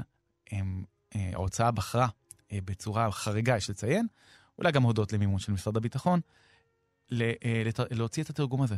וההוביט... כמחווה לפעילות שלהם בשבי, כן? לעבודה שלהם בשבי, וואו. הסיפור הזה, שוב, אה, הוא מאוד מרגש, הוא גם זכה אה, כן, להצגה, אה, אה, להצגה שממש רצה עכשיו, דרך אגב, על הסיפור הזה, אה, שנקראת משם, אה, אה, משם ובחזרה, אה, שוב, הצגה מומלצת. אה, והסיפור הזה כמובן מאוד מרגש, גם כריסטופר טולקין, אגב, שהוא שמע עליו, אמר שזה, כמובן טולקין עצמו לא היה בחיים, אז אה, אמר שזה מאוד מאוד מרגש אותו, אה, וזה אחד הסיפורים הכי, הכי אהובים עליו. ו- וה- וההוביט היה באמת אחד הספרים הבודדים שיצאו במקביל שני תרגומים. בחנות הספרים, עד לפני כמה שנים, אפשר למצוא את שניהם זה לצד זה. כמובן ש- שמעניין זה אה, לדעת מה ההבדל כמובן, לא לגלות מה ההבדל בין התרגומים. אה, יש כמובן הבדל עצום. קודם כל, אה, משה הנעמי, המתרגם שתרגם את ההוביט, אה, אה, הוא היה מתרגם מקצועי, אה, והטייסים לא היו מתרגמים מקצועיים, אז ממש רואים הבדל אה, ממש במונחים, איך הם בחרו לתרגם את המונחים. ואחר גם, נושא התרגום של שר הטבעות וההוביט, יצירותיו של טולקין, הוא נושא מאוד מאוד אמוציונלי. נכון, כי הזכרת שמדובר גם בפרופסור אה, אה, טולקין עצמו, נכון? ל- לאנגלית וכולי, והשפה הייתה חלק מהאומנות שלו. אז איך מתרגמים דברים כאלה? אכן כן, טולקין עצמו ידע שגם אה, שר הטבעות הוא מאוד אנגלי וההוביט הם מאוד אנגליים, הוא הוציא ספר שנקרא המדריך למתרגם, אחרי שהוא קרא את ה... אכן כן. אחרי שהוא קרא את התרגום אה, בשוודית, אם אני זוכר, אה, של מתרגם וקטל אותו בצורה מחרידה. אותו מתרגם, דרך אגב, מאוד נעלב, ואז הוא יצא בקמפיין ששר הטבעות שייך לכת השטן. די. כן, הסיפור, שוב, שר הטבעות מוציא מאנשים המון אמוציות, חלקן, רובן חיוביות, חלקן מעט פחות. אה, אה, בכל מקרה, אה, המדריך המתרגם, טולקין התייחס לאיך מתרגמים את, זה, את הספר שלו לשפות אירופאיות. אבל אנחנו, לא כמה שנרצה לחשוב, הופה, הופה, הופה, פה זה לא אירופה. אה, נכון, הלכנו לשפה המקורית, הראשונים אה, כן, והטובים. אה, הכי, מכולם. הכי טוב שיש. ו- נכון, אבל איך ש- מתרגמים ספר כזה באמת? נכון, כי, כי יש לנו בעיה, למשל, אלב. איך אנחנו מתרגמים אלב? נכון. אז למשל, משה הנעמי בחר לקרוא להם אה, שדונים, שזה מאבד לחלוטין את המשמעות שלו. אה, כן, אבל הטייסים- אני יכול להבין מדוע הוא כן, ניסה הוא להישען מתרשם. על יצורים שמוכרים, או ש... כן. מ- מוכרים, או חצי מוכרים. כן. גם אסור לשכוח שבשנות ה-70, כל התרבות ה- של הפנטזיה, שהיום היא מקיפה אותנו, רוב נכון. דרקון, מה, זה היה שוליים סהרוריים? לא לא היה קיים. ודאי. כן, לא היה לנו בשנות ה-70. מי שקרא ספרי פנטזיה נחשב לשוטי הכפר, היו מ- בזים לו. לא, זה באמת נכון, נכון, זה אבל... היה נכון. כן, אני אה, זוכר שאפילו בשנות ה-80 זה קצת חלחל דרך אנשים שהיו קצת אה, אה, חצי אמריקאים כאלה, או כן, שקשורים לתרבות בחו"ל. אנשים הזויים, כן. שזה, ולעומת הצבר הישראלי הגאה עם החולצה הפתוחה שלא והשערות קורא בחזה. שטויות על אה, שלא קורא פנטזיות. ריקות מתוכן, נכון, יש לו מעדר, והוא חופר בורות בגינה. עם שחור מתחת הציפורניים. וכן, כן, ככה נכון, זה אתה. צודק שבאמת, אה, אני לא בטוח שדמות הצבר שניסינו פה אה, לייסד מחדש, או ליצור, זה לא עבד. איזה מישהו שרוכן על ספרים. זה היה לנו מספיק בגלות. נכון, וגם... אל תוביל אותנו לשם, אדיר, אל. תוביל אותנו. דרכון אירופי לכל דורש. כן, אה, בכל מקרה, אה, אבל לא, העניין הוא, תעזוב דקה את הצבר וזה, אבל כל הדברים שהם נורא אינהרנטיים בתרבות, כמו למשל אלף וגמדים, דוארף, אין לנו אותם. נכון. אין- לנו אותם בתרבות שלנו. וטוב שאין אותם. טוב, יש לנו, יש לנו מורשת עשיר- עשירה אחרת. למשל, המתרגמת רות לבנית בחרה לתרגם את אה, אה, האלף כבני לילית. אה, אוקיי, זה אוקיי. כבר, מה- זה מה- מהתנ"ך במקור? נכון, כן, אה, אוקיי, זה מעניין. מהמסורת היהודית, לא מהתנ"ך. וואו. הלילית הייתה מכשפה, אשתו השנייה של אדם. כזה. שטן, משהו. כן, אז זו ההתנגדות. למשל, אה, דוקטור עמנואל לוטר, מתרגם הנוסף של- של וואו, שר אבל זה הטבעות. איזה אחריות זה, פתאום לקשר בין אה, כל מיני דברים מיתולוגיים כן, שלנו. ו- ויש המון, אה, שוב, שר הטבעות הוא וואו. מאוד מקיף. עכשיו לך תתרגם איך מתרגמים אה, אה, בני לילית ואיך מתרגמים גמדים, כי גמדים יש פה טוויסט. טולקין בחר לתרגם, לכתוב גמדים כדוארבס ולא כדוארפס. מכל מיני סיבות שהוא כתב אותם כמובן עליהן באריכות רבה במדריך המתרגם, אבל עכשיו מתרגם עברי. הוא רואה את הדבר הזה. אני לא מבין איך? ניגשים לזה באמת. אה, לא- זה באמת ניסו כאן נגישות, הטייסים אה, למשל אה, כתבו הגמד, למשל גמד, גם רות לבנית בחר בגמד, עמנואל לוטם בחר בגמדאים, למשל. גם דאים, והייתה אפילו, באמת היה פולמוס מאוד רציני גם בקרב החובבים של טולקין, שהם קוראים את הדבר הזה, יש אמוציות, שוב, והשתחררה, דרך אגב, השתחררו אמוציות מאוד גדולות, כשעמנואל לוטם בעצם ערך מחדש את התרגום של רות לבנית, ויצא עם תרגום חדש משלו, ואז ממש אלה שחיבבו את התר- התרגום של רות לבנית יצאו במלחמה ממש, נקראת מלחמת התרגומים. אנשים לא אוהבים שמזיזים להם דברים. אכן. כן. גם לא אבל גבינה. תגידי, הת- התרגום של ה... של הטייסים השבויים אה, הישראלים בשבי המצרי, הוא תפס? זאת אומרת, זה משהו שהציבור. אהב? הציבור אהב. גם כתרגום כן, תרגום, לא רק בשל הסיפור המרתק כן, הזה. אה, שוב, אה, משה הנעמי, הבעיה שהוא בחר בתרגומים שהם קצת... קצת אה, ישנים יותר, אה, שדונים וכולי, וכשיצא שר הטבעות כן. בתרגום רות לבנית, המון אנשים לא, לא התחברו לזה, איך יכול להיות שדונים אל מול האלפים האצילים, לגולס הבלונדיני ש... אה, והיפה, טוב, הוא לא, לא בלונדיני בספר, בסיפור, אבל בסרט הוא כן. אה, העניין הוא שלא התחברו, והתחברו יותר לטייסים, שממש תרגמו את זה. מיד נדבר גם על הקשר בין הסרטים לזה, אבל אוקיי, בוא תמשיך בבקשה. אז הם באמת התחברו, וזה היה תרגום אפילו יותר פופולרי מזה של משה הנעמי. וואו. עד שבאמת יצא התרגום המ- החדש החדש אה, של יעל אחמון, שהוא באמת אה, תרגום מצוין, ואני חושב שהוא יתפוס את מקומם של כל התרגומים. אה, אבל באמת זה סיפור מאוד מרגש. ויש סביב שר. הטבעות, סביב התרגומים המון המון סיפורים מרגשים ואמוציות. תוכנית שלמה ו- וקצת משעממת, אפשר להפיק את זה. וכמי שחובב את אה, סדרת הספרים המקורית מלבד ההוביט, אה, מה דעתך על סרטי הקולנוע? אה, טוב, הדעות היו חלוקות. כשהם יצאו בזמן אמת הייתי מאוד אנטי. אה, הלכתי תמיד לכל הבחירות ויצאתי מזועזע ובוכה. אה, אכן. מדוע? אה, כי זה לא טעם את איך שאני ראיתי את הספרים, ותמיד פספסו דבר, שוב, סרט וספר הם שתי יצירות שונות. היום, כשאני כזה יותר בוגר ובמבט לאחור, אתה אומר ש- שהספר הוא קשקוש, והקולנוע זה הדבר האמיתי? אה, ברור, קולנוע, במיוחד שרואים. אותו בכפול ארבע מהירות, דרך אגב. כי אתה רואה סרטים בכפול ארבע? אולי כי... אז אלה סרטים משעממים? אני אסלח לי לא על לא, סרטים, קודם כל לא. הם סרטים לא, שכיף אוקיי. לראות אותם, הם מגניבים, אפקטים יפים, וזה, גברים נעים ונשים יפות, דבר שנורא חשוב. יפה אה, שנתת את את מגוון הג'נדרים, כך לא הסתבכת. אה, כן, כמעט. אה, כמעט. גמדים- נעים, סוסים יפים. אה, יפה, אה, השלמת יפה. אה, כל הקשת המגדרית שם, באמת, וזה מאוד מאוד, אה, סרטים מאוד מגניבים גם היום. ההוביט פחות, הרבה פחות. דרך אגב, ההוביט, אה, שלישיית סרטי ההוביט הם... ו- והסיפור עצמו, זאת אומרת, אה, אה, איזה- באיזה סיפור, כמי שלא רואה גם את סדרת הסרטים, כמובן מחאה על זה שאני לא מתחבר לתרבות הזו, אה, באיזה סיפור הם בחרו? זאת אומרת, מה הסיפור ש- ש- שהתסריטאי אה, התסריטאי- בחר לגזור? הייתה לו עבודה מאוד קשה. אה, יש לי עדיין ביקורת, כמובן, כי תמיד יש ביקורת. מצד שני, אני חושב שהיום בר- בר- ברטרוספקטיבה הוא עשה עבודה לא רעה. אוקיי? כי צריך לחתוך, אין מה לעשות, צריך לשנות אה, נרטיבים, כי אי אפשר להכניס לבוא את כל. המורכבות. הוא עשה עבודה לא ועובדה שהסרטים מאוד הצליחו. דרך אגב, המון אנשים חושבים בטעות שהסרטים הביאו לפריחה מחודשת של טולקין, אבל לא. טולקין היה היסוד להצלחה של הסרטים. אז לא היה מקובל להפיק טרילוגיות מראש. אני רק מזכיר שסרטי אז סרט הבאות טרילוגיה מראש, אוקיי. צולמו מראש ושוחררו שנה אחרי שנה, אם אנחנו זוכרים. ה- אז עלו על הטריק השיווקי הזה. כן, זה היה הפעם הראשונה שעשו את זה, וזה היה. מאוד לא טריוויאלי. ולמה היה להם את הבסיס הכלכלי לעשות את זה? בגלל ההצלחה האדירה של סרט הבאות. ושוב, הסרטים האלה גם הביאו שוב לפריחה של תרבות הגיקים. סטאר וורס מחדש למשל, אה, המפץ הגדול, הסדרה, סדרת הטלוויזיה, שגם נשענת ויש בה המון אזכורים לטולקין. וכל פריחה מחודשת של תרבות הגיקים, שכיום היא שולטת, צר לי, אה, וצר לי לכל כן, כן, לא, אתה צודק לגמרי, וטוב שכך, לא? אה, אלא אם כן אתה... כמי שהיו מודרים מהתרבות בשנות ה-70-80. כן, אני זוכר שהייתי הולך לסינמטק ומתווכח עם אנשים על כך שהם אומרים, כן, זה אסקפיזם. למה אתה לא קורא ספרות על העידן הנוכחי? כן, זה כן על העידן הנוכחי. לא עזר לי. אבל עכשיו אנחנו, זה שולטים. מעניין באמת, כי באמת פעם אה, מי שראה סרטים בדיוניים, מסע, אה, עם כוכבים, אה, סטאר טרק, סטאר וור וכאלה, באמת התייחסו אליו כמין משהו ילדותי כזה. נכון, ילדותי. שעשוע ילדותי. היום באמת מי שעושה את זה, מסתכלים עליו בתור היום מי שריד שחי מוזר. במציאות, הוא אה, מוזר. לא, זה המציאות. המדע הבדיוני והפנטזיה, שר הטבעות, ההוביט, הם מדברים על המציאות היום. פשוט בדיוק כפי שסרטי מדע בדיוני הולכים קדימה ומדברים לאחור, הפנטזיה הולכת אחורה ומדברת קדימה. בסופו של דבר אני תמיד מנסה מדברים להבין את מה שאמרת, הפנטזיה הולכת אחורה, אחורה אחורה בזמן. ומדברת קדימה. אוקיי, מעניין, מעניין. אה, וואו. שוב, ת- תחשב, תחשוב על 1984, יצירת המדע הבדיוני הכי כן, מפורסמת נכון. שיש. זה עדיין מדע בדיוני, אבל מי יגיד טוב, שזה לא רלוונטי? מה, וואו. מי יגיד שזה לא רלוונטי? וואו. אז זה- טוב, אנחנו באמת צריך להקדיש לספר הזה, אתה צודק לגמרי. ספר מהמם. ודאי אה, תוכנית אצלנו. אנחנו נעצור כאן ונעבור לדבר עם אה, דוקטור יגאל בלום, מדען ראשי בחברת אמורפיקל. אה, בשל הידיעה הבאה, אה, תרופה חדשה ומסקרנת שפיתחה אותה חברה ישראלית, שעשויה אולי לשפר את מצבם של חולי סרטן באמצעות השפעה על התהליכים המטבוליים של התאים הסרטניים. החברה קיבלה לאחרונה אישור מה-FDA, אה, מנהל המזון והתרופות האמריקאי, להמשיך בניסוי אותו היא עורכת.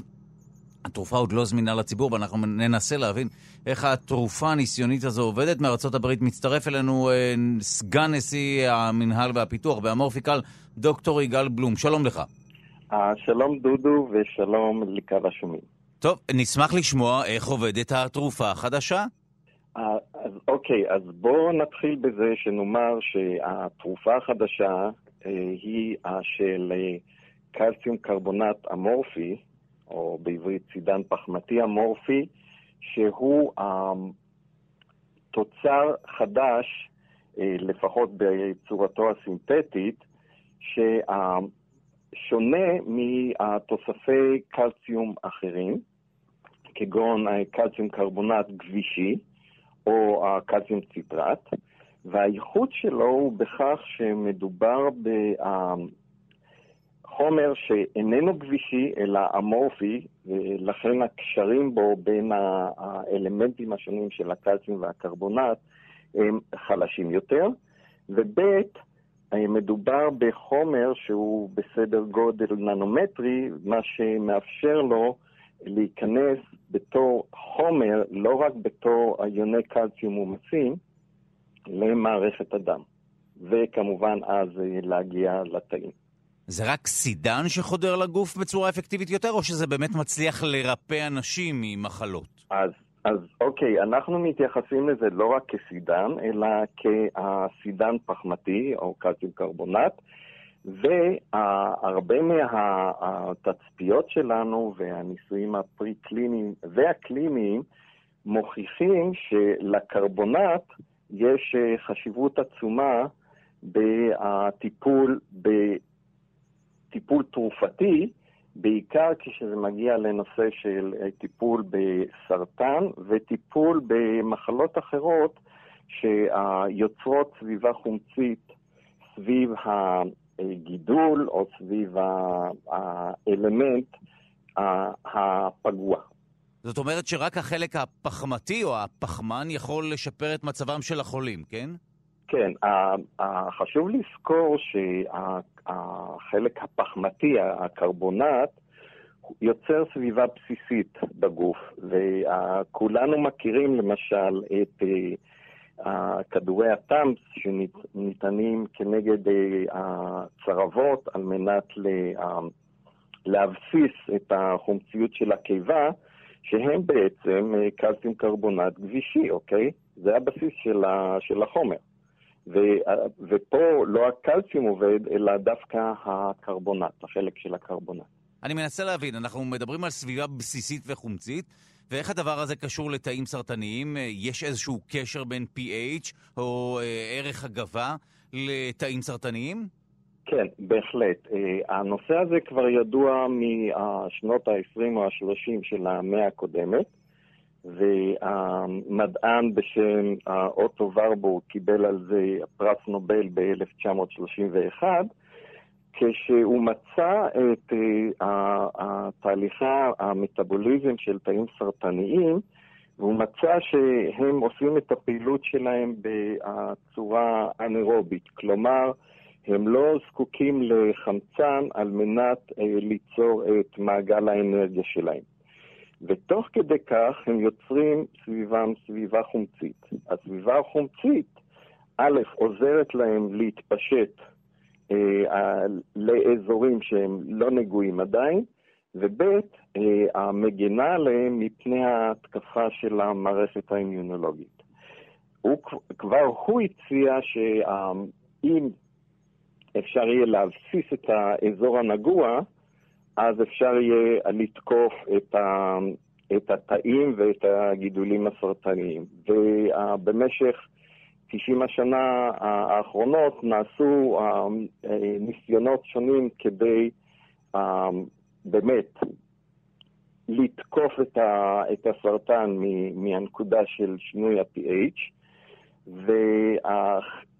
הממצאים הם, הם לא היו, עד עכשיו לא היו אה, כל כך טובים או כל כך מהימנים, אבל אה, הקלציום קרבונט, הננומטרי שאנחנו כרגע מטפלים בו בחולי סרטן, הוא שונה מכל הניסיונות הקודמים להפסיס את האזורים הנגועים. נשמע שהאנושות מצאה את מקור הבעיה ושאתם מצאתם כיוון לפתרון. מה באמת המרחק בין השלב שבו התרכובת הזו שפיתחתם נמצאת היום אה, לשלב הזה שבו היא תהפוך לתרופה אפקטיבית? אז אה, כשמגיעים לעולם התרופות, בעיקר בנושאים שבהם כבר נעשים המון מחקרים וה... ומדובר במספר מאוד מאוד גדול של חולים, תמיד המרחק הרגולטורי הוא די גדול, אוקיי? וה... ומה שאני יכול להגיד, שאנחנו כרגע כבר הצלחנו להגיע למה שנקרא פייס 1, ניסוי שמתנהל כרגע בהדסה עם חולים סופניים, עם סוגי סרטן שונים, ולפחות אפשר לומר שאנחנו כבר נמצאים אה, בהתחלה בצד הקליני, כשיש לנו כבר די הרבה נתונים פרי-קליניים וגם ניסויים אה, בניסויי מבחינה עם תאים סרטניים, שמעידים על כך שהקלציום קרבונט האמורפי עושה פעילות שונה לחלוטין מאשר אה, סתם יוני קלציום או מאשר אה, קלציום קרבונט גבישי שניתנים באותה, באותה רמה ובאותה שיטה. והדבר הזה באמת מצליח לרפא תאים סרטניים? אז אה, א', אה, הוא מראה שה... שפעילויות של תאים סרטניים, הפעילות ברמה המולקולרית יורדות, וב', יש לנו כבר בהחלט ממצאים חיוביים עם חולים שקיבלו את, ה, את החומר. ואני רוצה גם לציין ששוב, מכיוון שאנחנו מנסים להכניס את, ה, את החומר ל, ל, למערכות הנוזליות של הגוף, כשהוא עדיין בצורה של קלציום קרבונט, גם המתנים של החומר בבדיקות הפרי-קליניות ועכשיו גם בניסוי הקליני, אנחנו בעצם מנסים לעקוף את החומציות של הקיבה שבה הרבה מהחומר מתפרק, ואנחנו למשל בניסויים הפרי-קליניים בכלל מזריקים את זה לחלל הבטן. בניסויים הקליניים עכשיו שמתנהלים בהדסה, חלק מהחומר ניתן בצורה של אינהלציה, חלקו האחר אנחנו מבקשים מהחולים עד כמה שהם יכולים להחזיק אותו מתחת ללשון כדי לספוג אותו דרך אה, עריריות שבפה. אנחנו כמובן נמשיך לעקוב אחרי אה, שלבי הפיתוח ונאחל לכם בהצלחה. דוקטור יגאל בלום, סגן נשיא, מנהל ופיתוח באמורפיקל, תודה רבה לך. תודה רבה, דודו. ואנחנו מתקרבים לסיומה של השעה השנייה שלנו, אנחנו לקראת פרידה מרן ברזיק, שהיה כאן שעתיים מרתקות, ממייסדי עמותת טולקין הישראלית. אנחנו מציינים את יום ההוביט הבינלאומי, והנה עשית לנו גם חשק לקרוא את הספרים. אה, כמובן לא את ההוביט, אלא רק את שר הטבעות. אה, יש אגב עוד ספר, נכון? עם שם שקשה קצת להיגוי, כן. אז התעלמתי ממנו רק כי קשה להגות את השם. אבל אולי עשיתי... אה, מה זה הספר השלישי? הסילמריליון. כן. נכון, הסילמריליון. שהוא מה השלישי בסדרת הספרים? הוא לא השלישי, הוא ספר שיצא אחרי מותו של ג'י.אר טולקין על ידי בנו, והוא מכיל את האגדות של בעצם, של העידן הראשון שקדם. אז זהו, שזה הורכב, סוג של hybrid שהורכב מכתבים של טולקין והמצאה. ולימים, דרך אגב, כריסטופר טולקין אה, התחרט על זה שהוא פרסם את הספר הזה, והוציא את כל כתבי אביו בצורה כרונולוגית, אה. מסודרת. זאת אומרת, זו הייתה דרך לסחוט כסף? לא, היה כסף. לחץ חזק של מעריצים ושל כן. אוהדים שרצו לדעת מה קרה, ורצו לדעת את העולם, להכיר את העולם העשיר שעליו שר הטבעות ואורביט נשענים. והוא פשוט ניסה ולא הצליח, בסוף הוא הוציא אותם כחלקים. איך, איך, איך יצירה כזו? דיברנו שעתיים, ובכל זאת, איך יצירה כזאת, יש... בדיונית, מופרכת, מעוררת עניין, למרות שלא מופרכת, נכון, נכון, אמרת וכולי. לא, אבל לא. איך, למה דווקא זה? כי זה מדבר להמון אנשים. ושוב, גם, ב, דרך אגב, בכל העולם, גם בישראל, יש קהילות קהילות של חוקרים, קהילות של אוהדים, שנורא נהנות להיפגש, גם בישראל, דרך אגב. עמותת טולקין הישראלית, כמובן, שאני אחד מהמייסדים שלה, מקיימת כנסים, עד היום, שנים. אוקיי? שבאים ונפגשים. שמה קורה בכנסים? אתם אה, מתעמרים בבעלי חיים? מקריבים בתולות, כמובן. לא, אה, פשוט אה, מדברים, מדברים על ספרות. כנסים שלא נתמכים על ידי המדינה. במקומות, אתה יודע, בספרייה המרכזית של מודיעין, בסינמטק בת, בתל אביב, שבאים ומדברים על טולקין ועל פנטזיה ועל ספרות.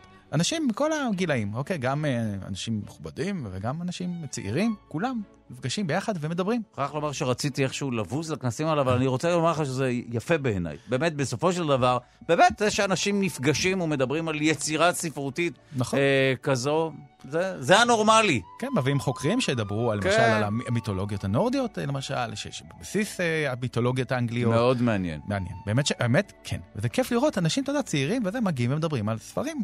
מה, וואו, אנחנו בשנת 2019, אנחנו אמורים לדבר רק בווירטואליה. לא, אבל ובכל זאת, אנחנו מדברים על סיפורים, זה לא משנה כל כך המדיום, או ה... נכון. משנה שמדובר בסיפור. כן, והעמותה מפעילה קבוצת פייסבוק וזה, ומדברים, כולם מדברים, וזה ממש אז אנחנו. אה, כמובן אה, פונים אליכם, אתם מוזמנים להצטרף לכת שרן ברזיק יצר כאן. אה, טוב, אז קודם כל בוא נודה לך בצורה רשמית, אה, רן ברזיק, זה היה מרתק. אה, ממייסדי עמותת טולקין הישראלית, שעתיים מרתקות, תודה לך שהגעת לכאן. ותודה רבה לעורך רז חסון, עורכת המשנה אלכסנדרה לוי קרא, מפיקו אבי שמאי על הביצוע הטכני, די.ג'י אלון מקלר, תודה רבה ליגאל שפירא שמלווה אותנו. אתם מוזמנים להאזין לנו בכל זמן ובכל מקום באמצעות היישומון החדש של כאן וגם בספוטיפיי. אז שוב תודה לך, תן לנו ברכה אולי מההוביט או שר הטבעות ונסיים. אה, כן, אמור חבר וייכנס, זה לפי דעתי אחד המשפטים היפים. אמור חבר וייכנס, נבין את זה בזמן המבזק. תודה לך, מיד אחרינו גואל להתראות. thank you